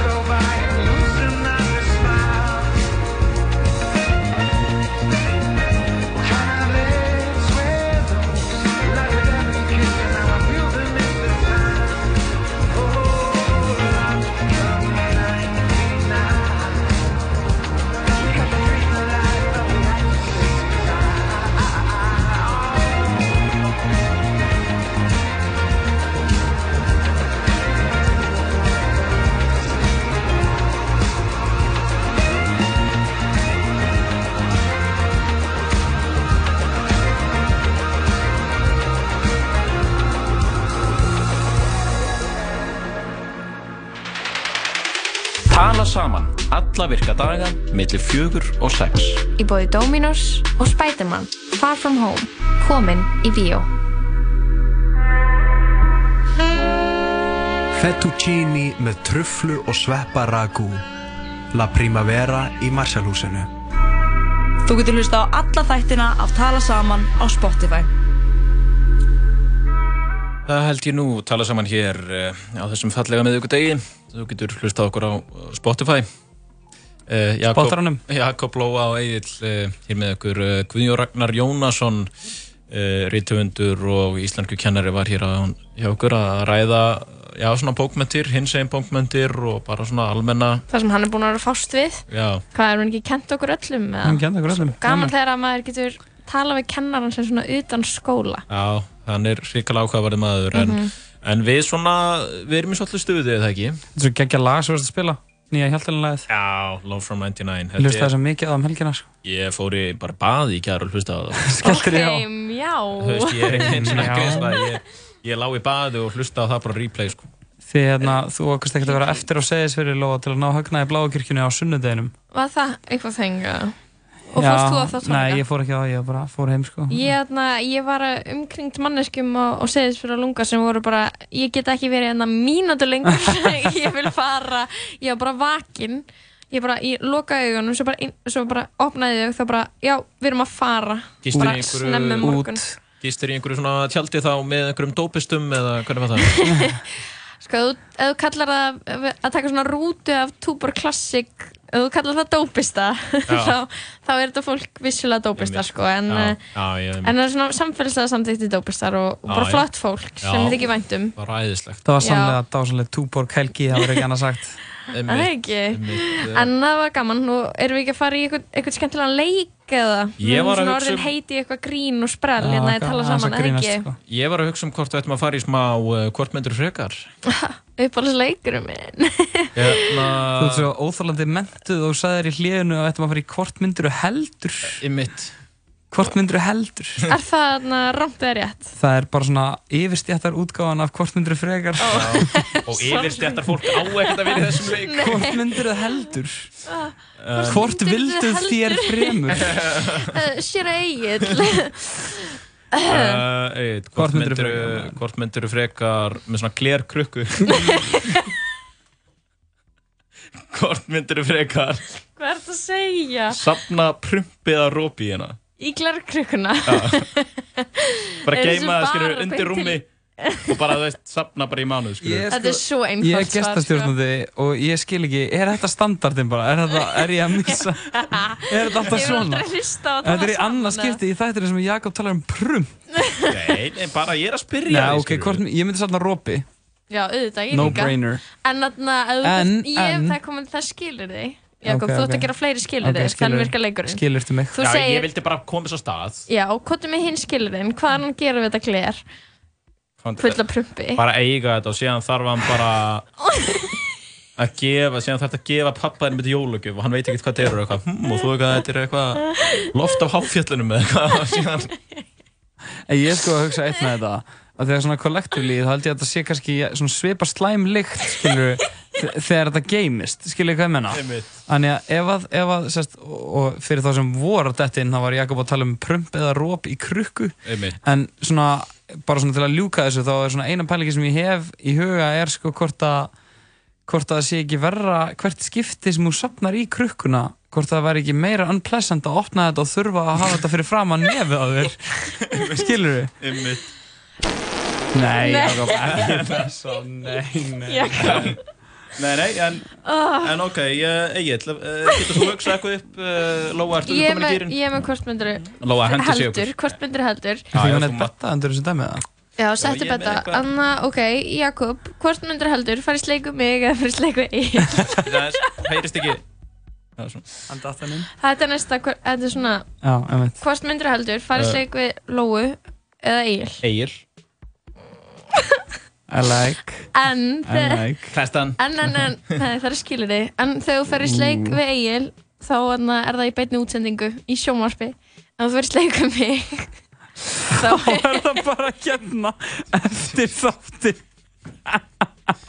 þá er það bara á, á eftir inn í geimslunni frammi inn í hérna inn í málíka geimslunni Nei, byrju, það er, það er einu skilir Þannig að uh, þessi sleikur, hann veldur því að, að, að, að skemmi sambandi hans Egils eða, eða sambandi mitt þannig að þú ert að velja hvort sambandi þú viljið rústa.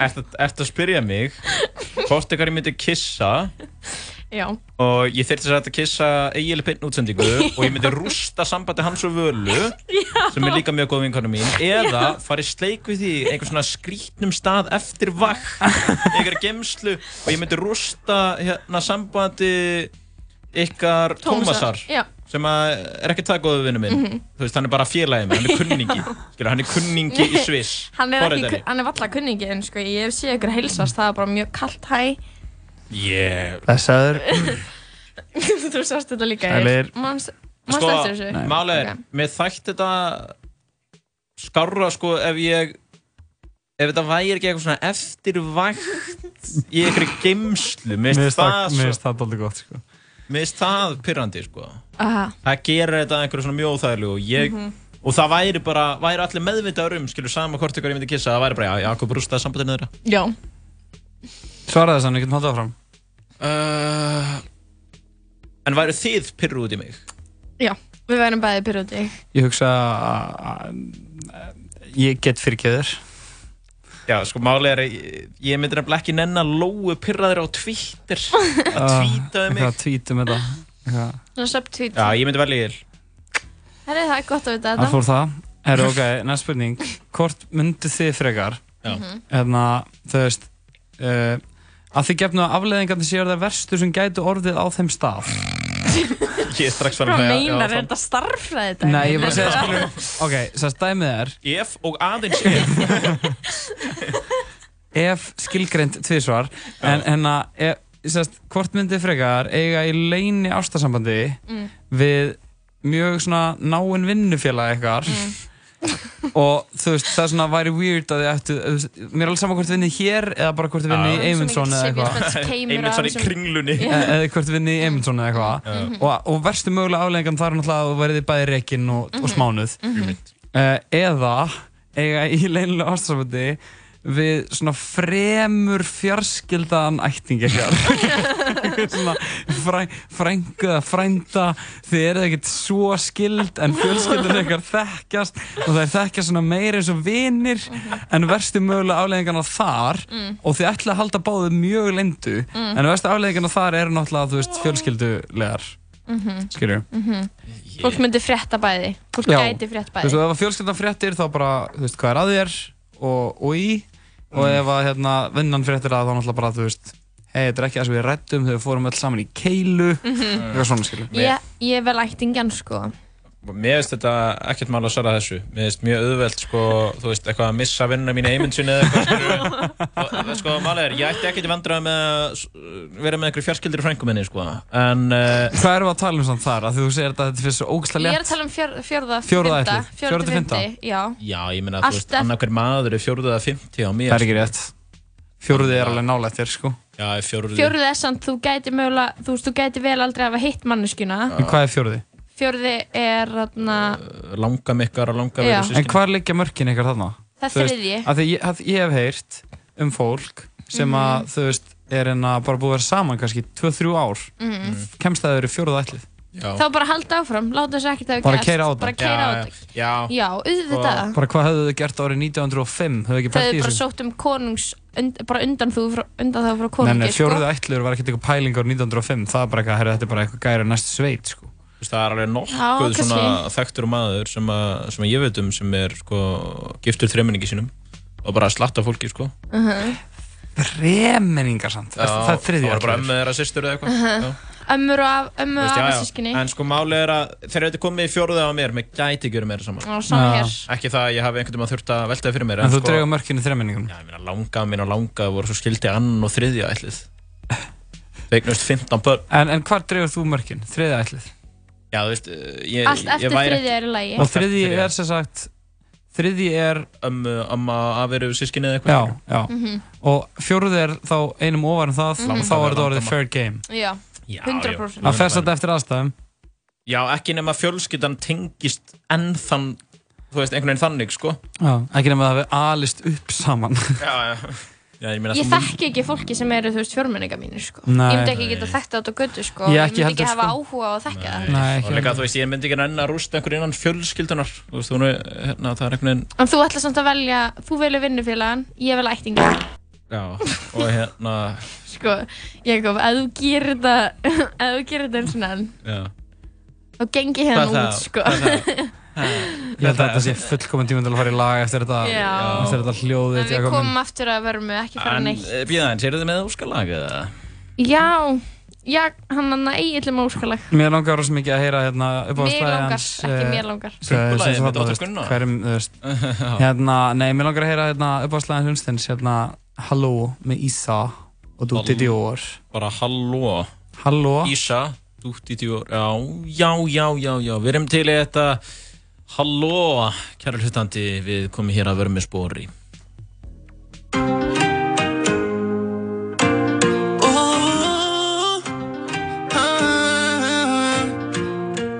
Shawty in love with this shit. Stack it till det är rätt för min bitch. Put this shit lopp upp på Gucci my jeans.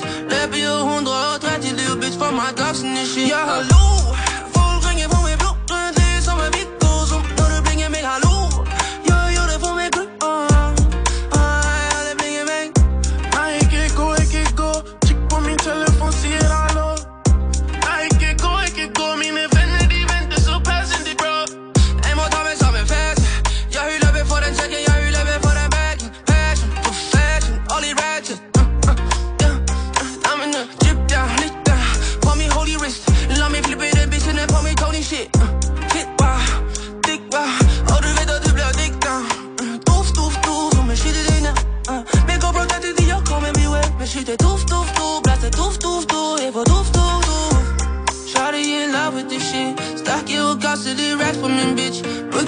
this shit lopp upp på Gucci my jeans. Löper ju 130 little bitch för my dogs and this shit. Ja hallå,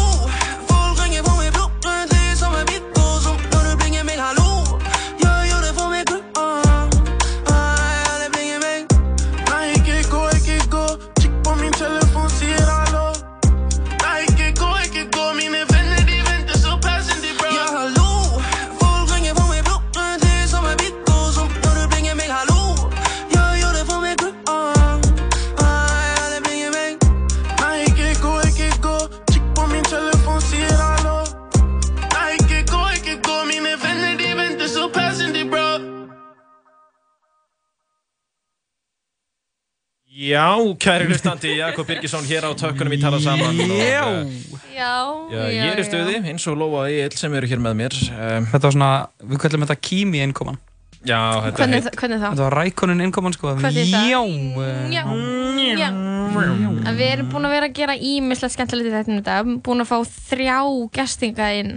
Mhm. Nú bara komin tíma á okkar flip, eða ekki? Jú, eða ekki bara Bara að gera sem mest grín. Ó, vorum svo skemmtilegu, hvort myndur þið heldur? Jakob uh, hafnaði mér og, Við mitt og ímislegt fleira gerðist. Gekk frá mínu ástarsambandi. Já, já, það er bara svo það er en uh, Egil uh, Það er bara svo það er. Sko, Við ætlum að fara í fréttir. eru allir því að mæta á druslupeppað eftir það? Um, nei, ég er að fara í gymmið. Ok Því miður. En við klokkan ég- alltaf í gamla Jó. Já. Ég var nefnilega til í að Þú verður til í að mæta. Við getum Já. kíkt. Já. ætlum þið að fara saman. Ég held að þetta sem vinn minn Chris var að að merka grill þannig rétt já, þannig að kannski fara í grill og, og druslupepp Mhm. Málið með þegar þú segir vinnun Chris þá hugsa ég eitthvað nett og útlenska vinn en þetta er bara íslensku gauð sem heitir Kristoffer eða eitthvað, er það ekki? og, nei, hann heitir Kristján og það sem er pínu fyndi með Chris sko, að, uh, að hérna, mamma mín var í útlöfum daginn Mhm. og uh, vinir mömmu uh, eru sér að vinir fóröldar Chris og mamma Mhm. Chris kemur til mömmu minnar og heilsar henni og segir hæ, hérna, eitthvað svona, já, og mamma eitthvað, já, ert þú móður hans Chris? Mhm. út af því að það, hann er bara þekktur sem Chris meðal allra sko. Móður hans og það er alltaf svona skrítið fyrir kannski mömmans að heyra svona sinni alltaf kalla hann Chris Já, þegar hún skýr hann Kristján. Kristján Ara sko Já. Kristján og af hverju hann kallaði Chris? Bara eitthvað sem, Já, þetta er bara, þú veist, af hverju er maður kallaður eitthvað, skilur Bara, þú veist, ég kallaði Jake Ég er ekki kallaði neitt Ég kallaði hann Jú. spámaðurinn uh, Hvað er ég kallaður? sko, náttúrulega, fyrir löngu síðan varst að kalla þær Eil Bitch. Það Og... er mjög tamarkum hópi Það. Í hvaða menningarlæsi ert þú eiginlega? Hvað meinar þau? Hvað meinar þau? Ég er bara að segja þú veist, nafni Egil það er ekki gott fyrir, þú veist, nicknames Gilli. Já, það er mér ekki fallett Gilli. Þannig að það er geggjaður dansku rappari sem heitir Gilli, sko Ég held að þú gætir alveg verið Gilli. Mér finnst það ekki fallett Ertu ekki bara raskata maður? Það aðskata maður Um, Já, ég segi þeim pappa Hérna, sko, ég er hérna með eina frétt sem ég vil langa að taka fyrir Já. Undir að, hvað með það? um, Og uh, kannski fyrst rak ég augun í hérna Reykjavík síðdeis Mhm. uh, sem er náttúrulega hvað þáttur í samkeppni við okkur nei, nei, Mhm. segi svona uh, það er hérna Boris orðin refurinn í hænsnakofanum Já, ef ekki um þetta að segja, mér er bara að fyndi að það sé orðatiltæki sem að sé notað yfir, yfir þetta Já. Mhm. sem við vorum að tala um á hann, hann Ég veit- Boris Johnson Ég veit sko náttúrulega eiginlega ekki hvað það þýðir, skilur Það er refurinn í henstakonum, bara fyrir utan að vera eitthvað svona vargur. svona trói höstur sko, svona Mm. infiltrator Já, ok, ok, ok. Ég koma skil. sér hann inn sko Já, Mhm. ég veit. um, en mér langaði hérna að tala um minn mann uh, Sundmann, eru búin að tala um hann eitthvað það? Nei, hver er það? Uh, það var sér sagt hinn ungverski uh, Kristoff Milak Mm. hann setti nýtt heimsmet í 200 metrar flugsundi í dag og bætti heimsmet Michael Phelps um heila segundu hann er bara 19 ára Er það ekki rugglað að pæta metin hans? Er hann ekki gaurinn sem kom þarna fyrir einhverjum að vera tíu árum og bara slóa allt? sló allt og var síðan hann mynd, myndin af honum með hann að bongið sá Michael Phelps Já, en er hann ekki bara að stera fíkill eða? Hver er Michael Phelps? Já, bara svona styrastrákur? Ég held að Michael Phelps sé nú bara eitt merkast íþróttamæður sem að hefur, við höfum séð í Ég veit ekki hvort hann beint okkur, hvað hann hefur Ég er það? svo lítill í mér og með svo mikla minnum að það kenda alltaf þegar ég heyr um íþróttamenn sem gengur vel þá er ég Það er, alltaf bara, þú verður náttúrulega bara að mæta einu sinni í gymmi, það er þú, skilur Já, mig? þá er ég alltaf eitthvað svona, já, já, þetta er bara stýra menn Já,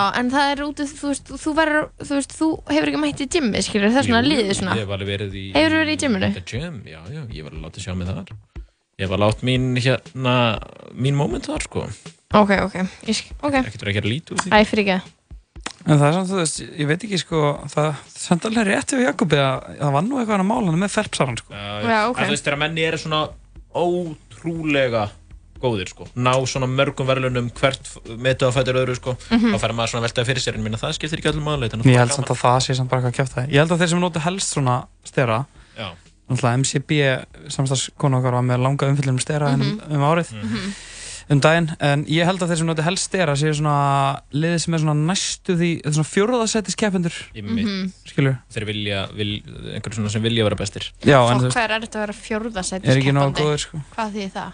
Það því ég bara, þú veist, kannski, þú veist, fjóruði bestur í heimi að gera eitthvað Mhm. en þú ert samt ekki að palli, sko Ég þóra líka Mm. að tjóka með svona íþróttir út af því að na, ég var eitthvað um daginn í útvarpinu eitthvað svona að gera grína mjölni eða eitthvað svona eitthvað, eitthvað svona eitthvað að gera grína fólkinu og ég fekk bara svona þrjú skilabóð Já, eða. bara með þetta væri eiginlega ekki fyndið sko, bara svona fólk, bara ekki, ekki grína Og hvað sagðir, hvað var það sem þú sagðir? Já, bara eitthvað að tala um þetta væri eitthvað fíblagangur fólk að gera eitthvað uppbyggvingar og þetta væri ekkert holdt fyrir líkamann og eitthvað Það var ekki satt. og já, þú veist, ég var líka bara að grínast Já, ég já, var bara að já. segja eitthvað, já, þetta er ekki gott fyrir líkamann eða ekki, það er bara Varstu að tala um hlæja- crossfit eða varstu að tala bara um- crossfit og þetta mjög Ég myndi gera meira grín ef ég væri í, í betra formi Fyrir þú út fyrir til að innstæðu fyrir því? Já, þú veist að þetta fólk að ég myndi byrja að gera grína mjölni núna Já. sem bara væri bara léttast í heimi fyrir mig að gera Mm.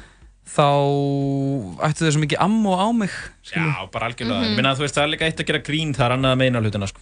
Það fyrir bara hvernig þetta er kannski búið fram og svona. Já, ég veit ekki alveg, ert þú af þessari kynslu á grínst þú vilt svona fjarlæði frá orðunum eitthvað það er bara auglustlega að fyndið að segja að einhver crossfittari sé að skemma sér líka Þetta er það fyndið maður. Það er ekki eðlilegt það sem þetta fólk er ekki að æla eftir æfingu Það er ekki hótt Æ, ég skulum alveg pása þetta bara. Æ, já, ég veit það ekki.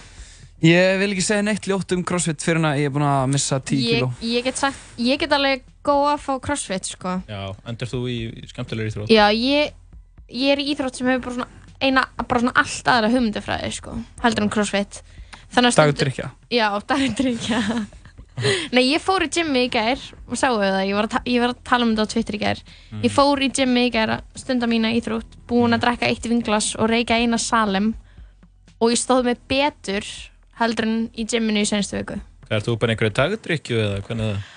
um, Vinkona mín er hérna í stuttu stoppi frá útlöndum, býr í Sviss og hún bara vildi, var áttu ykkur á flöska náttúruvíni. Og hún var eitthvað kláruna fyrir flugið. Það er þetta helviti vel gert hjá þér líka bara að dempa í gymmið þegar þú ert búin að aðeins að vera að fá þér Já, ég hugsaði bara, þú veist, ég bara leta það vaða, sko. Fekk mér bara smá vatn og, og það var bara ekkert mál að klifra eftir það. Ég ætla að vola mikið þessu sko, að fyrir eitthvað að hlaupa eitthvað, það er eins og þetta tvær, þrjár síkaretu fyrir sko, heldur fjór líka til og... þess að gera aðeins, hindrun aðeins meira Já, svona aðeins að byggja sig upp ertu með bjór í svona vassbrúsa á beltinu og svona tvær sík og hérna í svona, í svona upphandlegs svona vasa Það hérna það það gerir, er sko. mest eigið ástrós að Já. stunda það er sem ég alveg get. Alveg rosalega mikið ég hlaupa á milli veður og, alveg og bannað að blanda hlaupa, á milli veður sko. og priksins Og þegar maður er aðeins aðeins agli þá máttu hann að eiga það að þú átt alveg svakalega tíma í Já, við skulum 10 ekkert fara að kilometrum tala um og það eitthvað núna Þú varst mikill hlaupa Ég er það,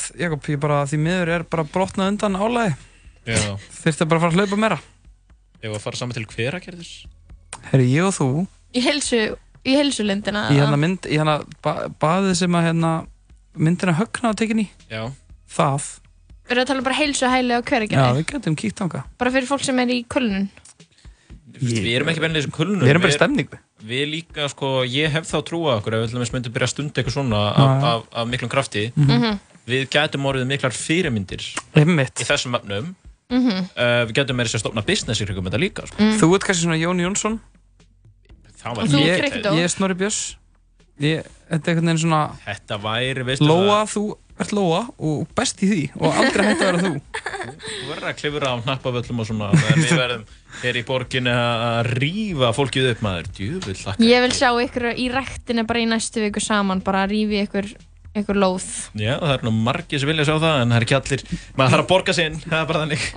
Kann, Tengið þið við svona rektar skömm með það? uh, Já. Hvernig þá, fara í rektinni og koma illa yfir hvað mann skilurðu. gengur illa eða? Nei, bara svona mæta og vera svona lélugur Nei, já, bara líka svona kannski langt sín og fórst síðast, skilu Já, ég tengi við að mæta og fólk segir eitthvað svona herriður langt sinni ég sé þig. Og ég er eitthvað já. Held samt ennþá að ég sé ekki búin að missa dampin Nei, og veist ég bara, þú veist að langt sinni fór seinast og ég bara, ætla, ég held bara ég er góðan sjans í einhverja æfingu. Svo byrja ég og ég er bara, bara ótrúlega léleg. Og ég bara veit að allir eru að horfa mig skilur, Mm. mér finnst það ömurlegt sko. Ég get ekki verið, þú ert í klifur, Mhm. klifrinu Já. og þetta er svona mjög visuált, þú veist, það er allir að klifra bara sama dæmið. Það er allir að horfa. Allir að horfa á þig og meðan þú gera það. Mhm. Þetta er ekki fyrir mig. Hlaupinn aftur á móti. Er Einnig staður þetta í móa. Mhm. Eina sem ég fundi mér er hlaup og ég var yngri. En það hættir fljótt.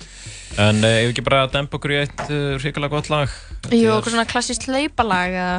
Já, bara eh, í alvörinu besta lag sem geður hefur út. Mhm, Það er mhm. Climax með Össa algjört gemlag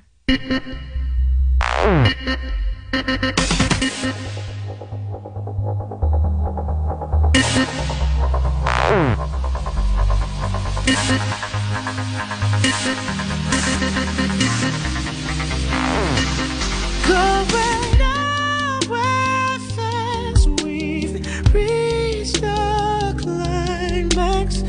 We're together, now we're undone. Won't commit, so we choose to run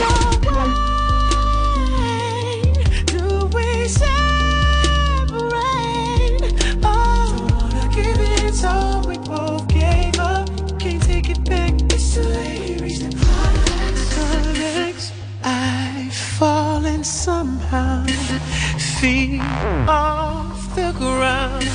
Love is the cloud that keeps raining down. Where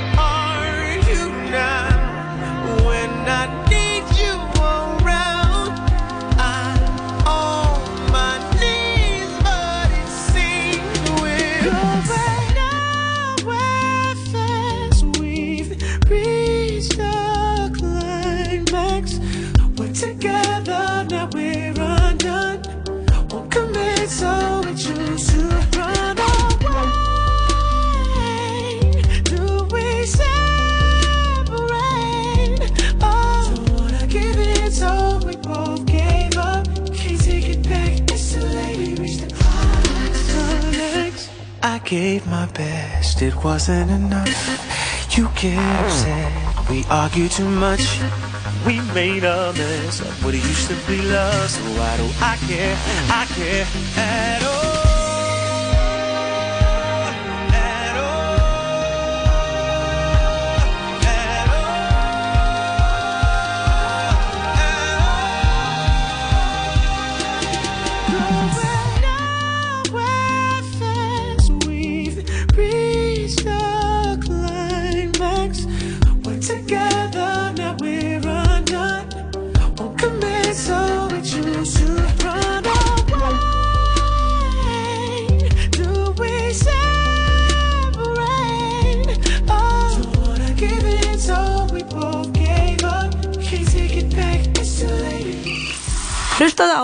Netinu á 101.life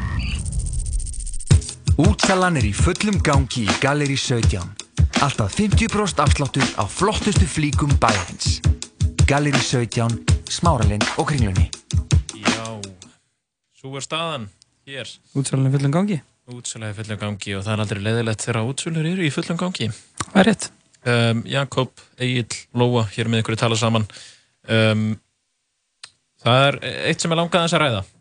Þetta er uh, af uh, Twitter, þeim uh, vinsæla miðli.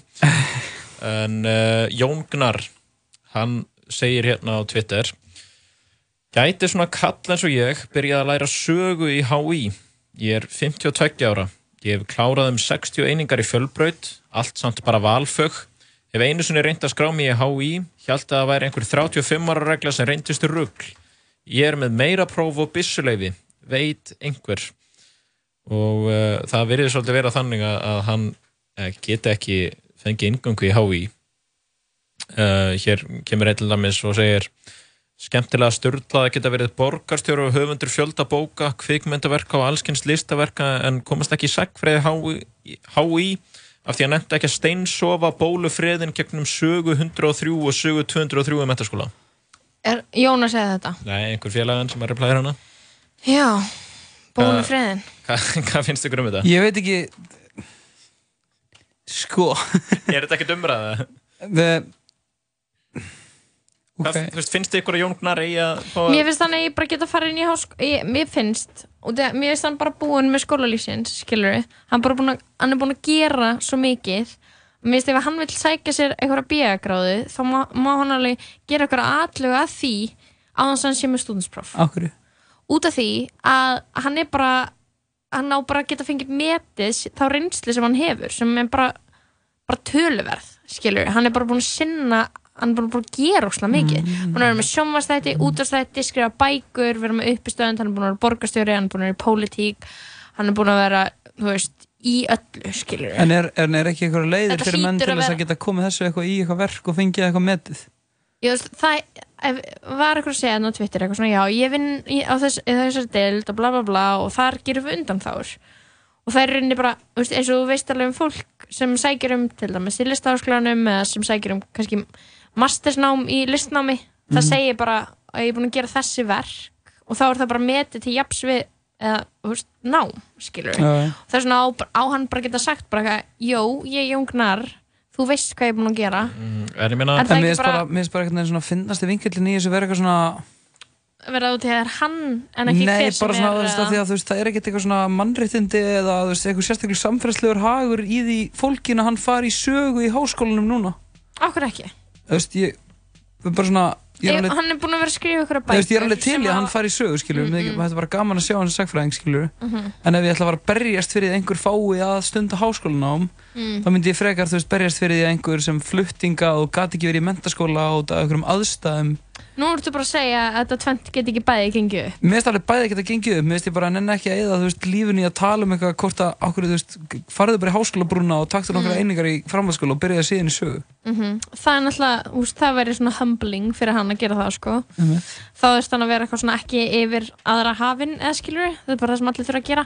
En það sem ég samt áhugavert í þessu í alvegni er að mér fannst ég lesa í, í þessi tvít, um tvítum hans, Mm. eitthvað svona, hann, hann vildi ekki, hann þorði ekki, þú veist, hann var að spyrja tveitur þegar hann vildi ekki og þorði ekki að fara nýr í HÍ ef hann fengi sömu meðferð og eitthvað svona eitthvað tíman áður þegar hann reyndi að komast inn. Og ég hugsaði bara, ertu ekki með mér sjálfströst heldur en þetta?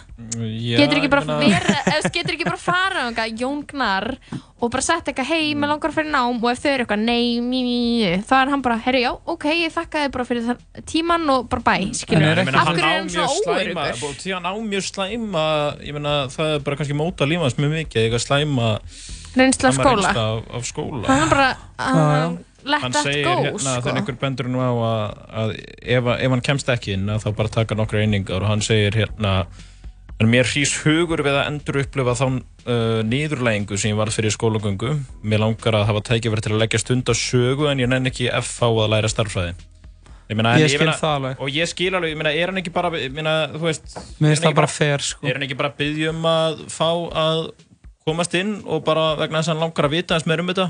Hann hefur lesið mikið einmjög en hann langar að fá bara einhvern prófessor sem hann getur spurt spurninga og sem meina, er með fyrirlestra. Langar bara Mm. aðeins að verða fróðari og, og hérna Mér finnst bara svo skrítið að hann get ekki, eða hann sé ekki komin yfir þetta, eða skilur, hann er búin að, að- að- hann er kannski einn af svona nokkrum Íslandingum sem hefur svona ofinbært, ofinbærilega tala um einhvern veginn svona eitthvað skömm og eitthvað vandamál og eitthvað æsku og og maður er eitthvað, ok, er núna, þú veist, núna er ég að segja þetta bara sem manneskja við, að þú veist, ég, Já, ég er ekki að reyna að gaggrina hann, hann, hann þarf bara að let it go, þessa skömm sem hann uppliði í skólakerfinu. já, Já, Þú veist. Ég, ég er svona, að ég veit ekki, mér finnst svona kannski er líka vandarsamt að við sem að fara að tólka þessi Já, tvítal svo mikið mér sko. langar bara, ég, ég segi það ekki að ég byrja að vera eitthvað neikvæður Já, já. en þú veist, ég, ég er alveg mjög til í bara að hann fá að læra sögu og mér veist að þetta er alveg bara eitthvað opnað fyrir honum en ég skil samt, að, að það er ekkert þannig system í gangi sko þú veist, að því að e- erum við þá samanlega um að allir ættu bara að fá að læra sögu þegar vildu eða bara fólk sem hefur hérna Gengi vel í skóla lífsins. bara í lífinu og er með eitthvað svona accumulated reynslu það er alveg gert í útlöndum að fólk fær svona heiður, skráður og svona dæmi mhm. og það væri kannski alveg stemning Mhm. Íslandi er kannski svona aðeins og lítið og spilt land til þess að það myndi ganga vel sko. En maður þarf kannski að ákvaða mitt hverjir, uh, hvað er þá nægur reynsla af, af hennum ímsustörum þess að fyrir Jón Gnarr, þú veist, hann fengi einhverjar eininga metnar bara í íslensku til dæmis fyrir sitt framlag í, í fjölmiðlum og útvarpi og svona dæmi. Bókmenntum og- ekki, ekki, mér, mér þætti það ekki skrítið. Enda hefur hann haft örgulega bara gríðarlega áhrif á, já, Málvenjur Íslandinga bara? Já, já, og bara ég meina það eru þetta mjög uh, þróskandi fyrir uh, ungt fólk að horfa á eitthvað með góðum málfari, sko. Já, já, bara í deildina með hann Már hlýtur að taka við hann Já, ég meina, ég veit það ekki, mér finnst að Jón Gnarr er alveg að mega að fá að komast bara í sögu og læra það sem að hann hefur ákvæðað þar. Það ekki? Mhm. Ég, ég sé ekkert... Gert eh, mikið hita mál Þetta er það sko Paldi að það væri eitthvað Paldi ég því- myndi ganga hérna út Mm. og það væri eitthvað fólk ég myndi heyri einhverju fólki efast um hvort ég ætti að meiga vera í viðskiptafræði ég myndi fá taugáfall Mhm, Er það? Já. Já. Af hverju? Er Þú ert þar og þú mátt vera þar Já, en þú veist bara svona að maður sé eitthvað að tala um þetta eitthvað ég, er Ég svona, menna hann setti þetta á Twitter Já, ég Þú veist, ég bara hann- oft fyrir mig svona hvernig það er að vera svona ofnbær persóna Nei, en bara út af því að hann var að uh, varpa þessu, eða velta þessu fyrir, fyrir sér og mér varst þetta ákveður, þetta ég hugsaði, já, ok, ég menna, hvenar, þú veist, út af því að ég skil að ég þurfa að ganga í gennum mentaskólan til þess að Mhm. núna geta verið í háskóla, ég meina, mér finnst það alveg eðlilegt. Bara svona leiðin En síðan hugsa maður, ok, 50 ára maður sem hefur gert mjög margt, Mhm. sem er bara sambarlegt því að menta sig á einhvern nátt, mm. -hmm. hann hefur skrifað bækur annað, ég meina, þú veist, á hann ekki bara geta tekið eitthvað svona.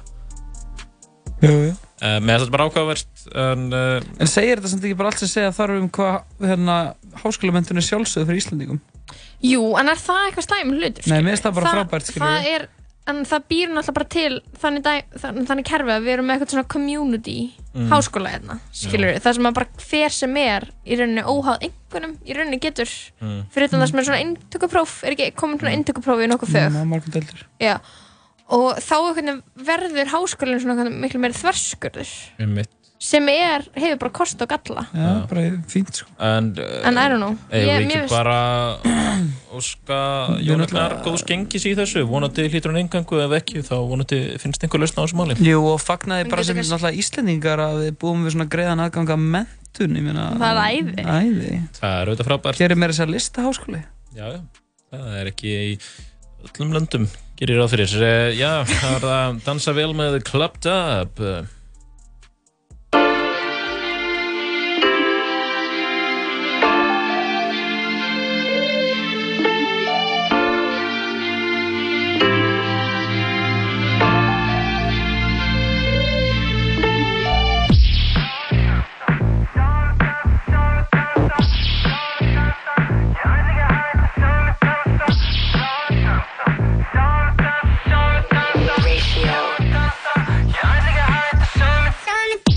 Er að dansa vel, svo er taki eftir mér. Ég er að dansa vel, svo er taki eftir mér. Ég er að dansa vel, svo er taki eftir mér. Ég er að dansa vel, hver vil koma og dansa með? Það kunna reyfa sig, vona einhver vilja mig. Það kunna reyfa sig, vona einhver vilja mig. Það kunna reyfa sig, vona einhver vilja mig. Það kunna reyfa sig,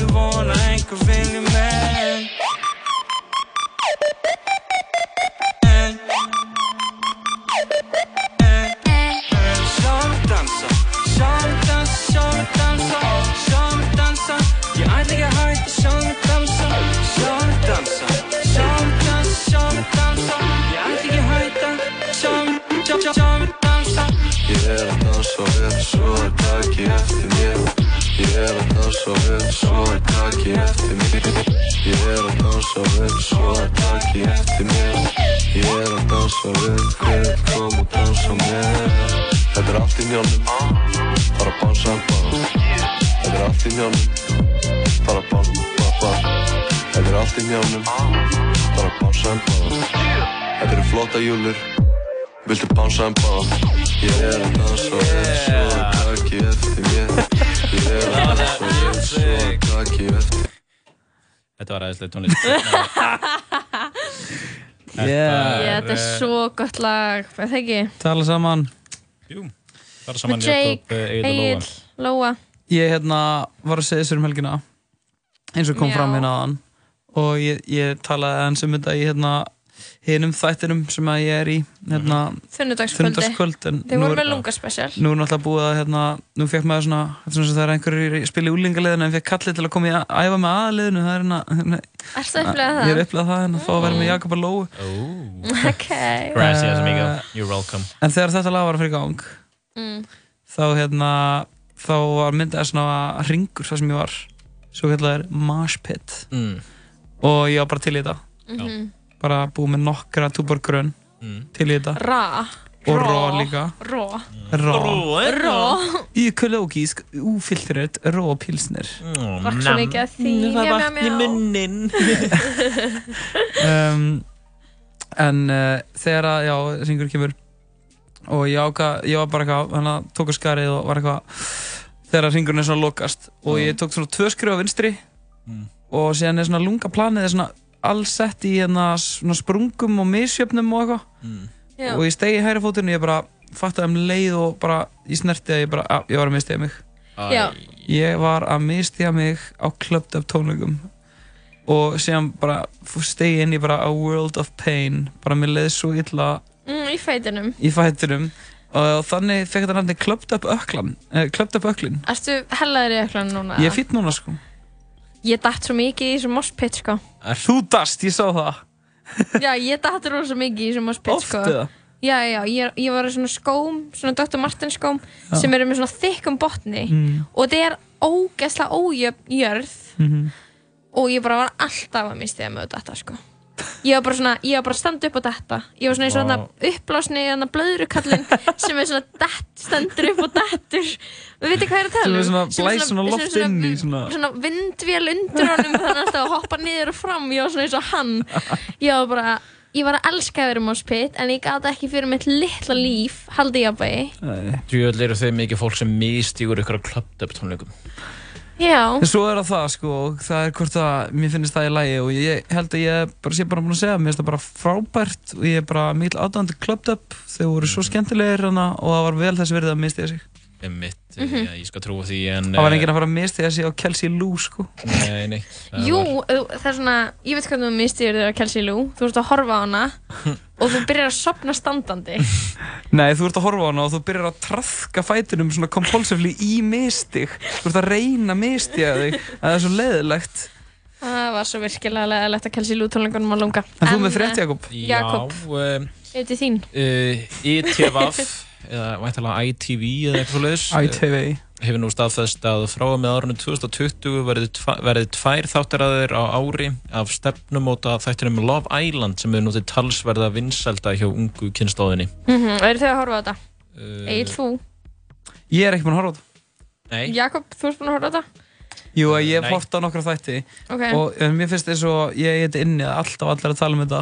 Já. Love Island. Það er, fólk eru obsessed á þessu það séðan kemur eitthvað með það að þetta sé eitthvað vinsælt í Breitlandi og bla bla slá ykkur áhorsmet og svona en sko séðan kemur millufyrirsögnin tveir svift sig lífi eftir Love Island Þrátt fyrir að raunveruleika þátturinn hafi notið vinsælt hefur einnig verið harðilega gaggrindur og áhörfundur látið í ljós áhugjur sínar af sálarlífi þáttakenda og Nei. yllri meðferð á þeim. Oh Sophie God. svifti sér lífi ára eftir hún tók þáttur Love Island og síðastliðin mars svifti annar fyrrverandi þáttakandi sér lífi. Mm. Knattspinnumadurinn Mike Talasitis. Já.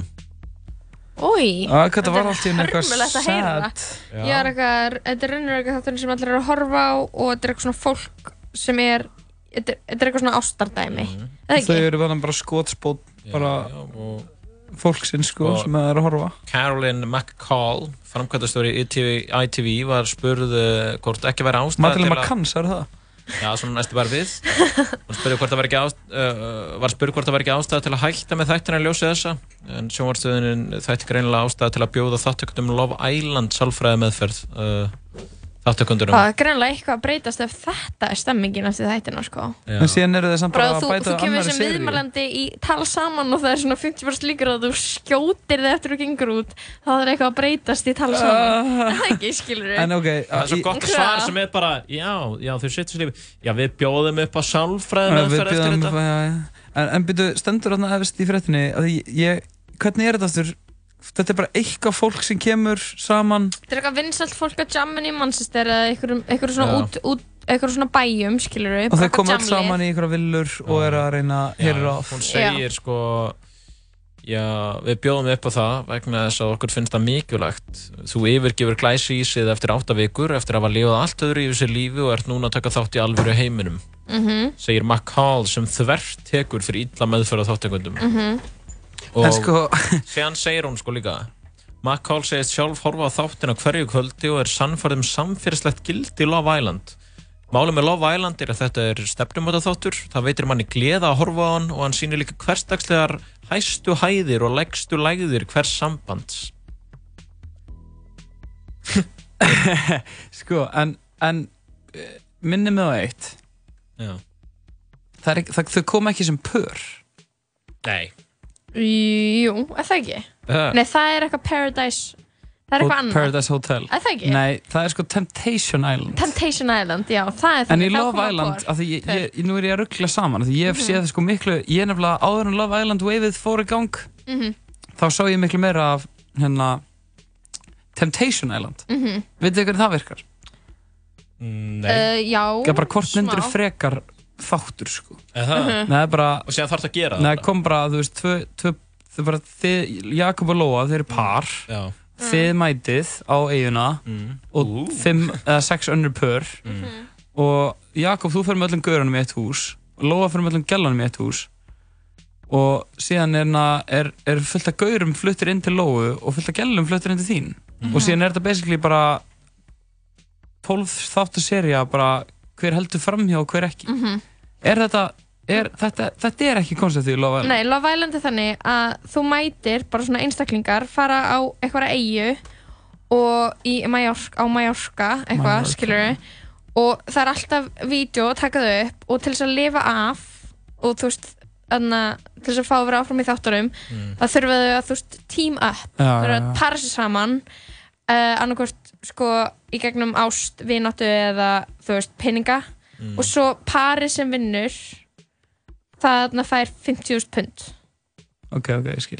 Já, svo þau byrja eitthvað svona á fyrsta deginum eða fyrsta þættinum þá eitthvað svona tíma þessu saman uh, bara út frá eitthvað svona first impression basis, skilur, þetta er svona sem sem skiptaði kannski bara. Já, Ég ætla heldur að þú væri góður í svona þætti. Nei, enga Ég- veginn Egil væri fyrstur út Jakob mögulega gæti un unnið. Þú, ég bara svona ha, Já, okkur Ég ég fyrstur ég veit út að en Jakob geti unnið? Ég veit að Býtu, lemur ekki þetta. Ég bara held, valið. og ég held bara að þú myndi vera fyrstur út Egil út af því að ég held þú erði bara stressaður. Mm. og þannig myndi, þú veist, þú væri bara stressi myndi það, myndi bara einhvern veginn skilur Mm. kollvarpaðir skilur Já. Jakob, aðeins mér psycho hann geti haldið upp einhverju pókufeysi og, og kannski mögulega unnið sko Já, ég er ég, með svo ótrúlega að þú haldir að Jakob geti haldið betra pókerfeysi heldur en ég ég leina á mér ég, ég bara, En hva, og bara fyrst að þú fara að vera með eitthvað svona stóradóm um þetta mál hversu langt nær þú afsakið? ég held að ég myndi ekki eins og vera valin í þáttinu sko. þar hefur það að Lóa er ekki vanlega í Island um, en ég þið er allavega smá frægir strákar sko. fólk hefur verið að ræða hérna svona íslenska svona seríu mm. um, sko og fara eins yfir það hverjir er þið í þeim þætti eða? Já, við höfum svona eitthvað rætt að mér finnst það samt ekki sko. Með það, ég þetta myndi aldrei ganga en Nei, þetta myndi það ekki sko. En, en hérna fólk sem vill taka það til þessu er weird sko. Já það er skrítið nei, samt ekki. Jú, það láta ríða þér fyrir fram myndavel Sko, einhverju hlæsi það- hísi út af einhverju eigu ég meina, þetta er ekki það var hérna gerðu listi sem 101 gerði. Það var Flóni Veri Mhm. Björgun Karl Já, Egil Trausti sem var hérna eins og með Örnu Ír mm Mhm. þeir og drottningu Króli og Sindri Þóraldsson í Húrra sem er í þetta Húrra hljómar ekki það Kristoffer E. Cox og svo stelpunir eru Aldís Amma Sunniva Einars, Kara Kristel Marja Telma Leikona og Birgitta Líf og Telma Torfa er ekki bara augljóst hverju myndi vinna þetta? Og svo myndi, svo kom alltaf einn tveir sem kom að mixa upp hlutunum. Og það er Dóra Júlia og Brynja Barkarsson já, hver myndi en vinna? það sem eiginlega virkar ekki þarna Mm. er að Dóri Júlia vinnur. En það sem eiginlega virkar ekki þarna er að, er að hérna, þetta er allt frækt fólk skilur Veist, þetta allt, er ekki allt ógíslega frækt fólk. Jú, þetta er svona, þetta er allt svona allavega, þú veist, þetta er annarkort, þetta er alveg frá því að vera bara pjúra celeb yfir í að, þetta er allt svona semi-þekkt fólk Hérna á þessum íslenska lista. Já. Ég mitt, já.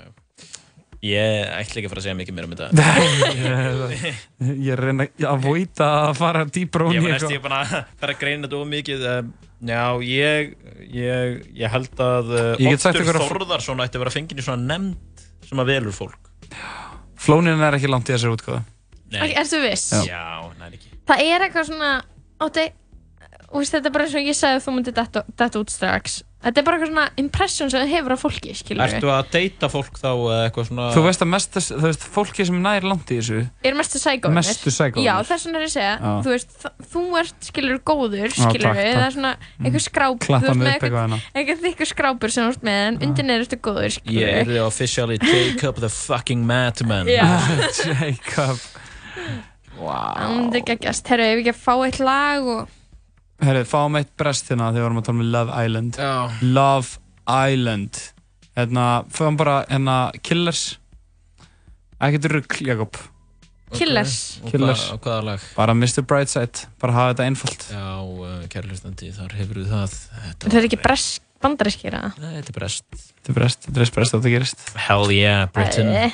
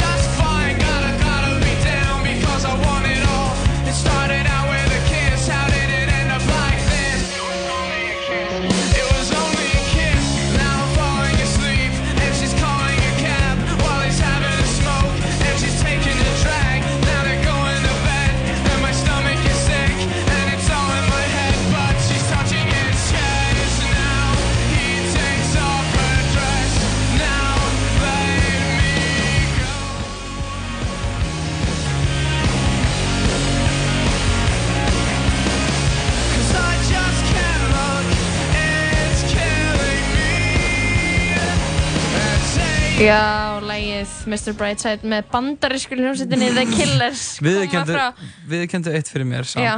Ég bara tekið þetta á mig. Já. B- Brandon Flowers er minn maður, er þetta veit ekki hvað hann er. Mm. En þetta er svona brest vibe yfir þessu. Nei Ha? Þetta kemur setna heldur en Britpop indie draslið er. Aðeins setna. Já, aðeins setna Sama og þetta er bara hel bandarísk eins, og Modest Mouse og allt þetta, dra, allt þetta dra- Strokes drast. og- en þannig að. Block Party, það Mm. er brest Það er brest. En líka þrátt fyrir það, þá er samt búið að vera brest vibe svona yfir þættinum. Og það er brest vibe yfir þessu lagi. Og ég fer ekkert á hann því. Nei, Við byrjum þáttinu eiginlega bara á að hérna fá stjórnmálafræðingin Freyju Stengrimsdóttur. Hún, hún svona rættaðis við okkur um ymmit stjórnmálinn eh, í Breitlandi. Ég hættur að tjá mig um Bretland. Ég veit ekkert um Já. Bretland lengur. Boris, Boris Johnson var að taka við uh, embætti fórstuðisráðara þar í landi. Hann er svona uh, sérstakur karakter. Uh, Já, hún kallaði hann blöndu af Brynjarri Níelsinni og Sigmundi Davíð. eftir að við svona eiginlega þvingum hana til þess að velja eitthvað En uh, það verður Já. það verður svona áhugavert að bara sjá hvernig þetta fer allt og vonandi fer þetta allt á hinn besta veg. Ég er að vona að þetta endi í svona þannig að hann mun gera þetta svo illa að það verður önnu kostninga Brexit og þau kjósum að vera áfram í Evropasambandinu. Já, já, maður má vona ímislegt Ok. og uh, ekki bara sjá þetta fara niður eitthvað? Nei, gaman að fara til London. Það er gaman að fara til London. Það væri flott og, og það er gaman að fara til hérna Southampton og við um vinni þar. Brian er þar. Brighton, Og... Steinun Ólina Hafleðadóttir hún kom til okkar og, og, og rætti málefni druslugöngunar ég er bara hægt að tala hérna uh, það er druslupepp Í uh, kvöld á, í Galla Bíó kl. 8. já, Við kveitum alla til að mæta að vera skemmtilega tónleikar. Line-upið er flott. Countess Malaise, DJ Dominatrix. Malay. Mal það var uh, já, gaman að tala við hana síðan voru við með enn annan uh, viðmælandan uh, Guðjó Ragnar uh, Jónasson sem er já, rítuvendur og uh, íslensku kennari Hinsegin aktivisti, mætti segja líka. Íbúa klöppinni. Mm -hmm. já, Klappastígurinn. hins einn faður í 101 það maður segja það Sem er bara algjörst mjá. Já. Algjört mjá. og uh, mikill stormmeistur það var sérkilega gaman að tala við hann um uh, já, bara hins einn Lífið málefni og veginn. Og við erum bara komið, bara komið að kveðu stund. Við ætlum bara að kasta einu svona hvort myndur heldur út í kosmosi þannig að við kveðum ykkur hérna að tala saman. já, endilega Við ætlum bara að kasta því hérna fram bara hvort myndur heldur na, ríða Brynjar Níels eða Boris Johnson. já, það er bara frábært Við skulum- fáum við aldrei svar við þessari spurningu. Við skulum ljúka þessu bara á uh, þeim nótunum uh, Það er Boris. Boris. Tala saman, alla virka daga frá 4 til 6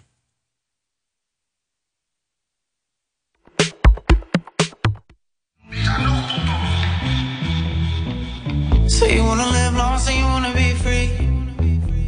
Baby, running out of time, that's a really bad beat. On me, she wanna play hard to get this far by me. By me, but I never wait long, I move on to what I need. I get my way, get out my way.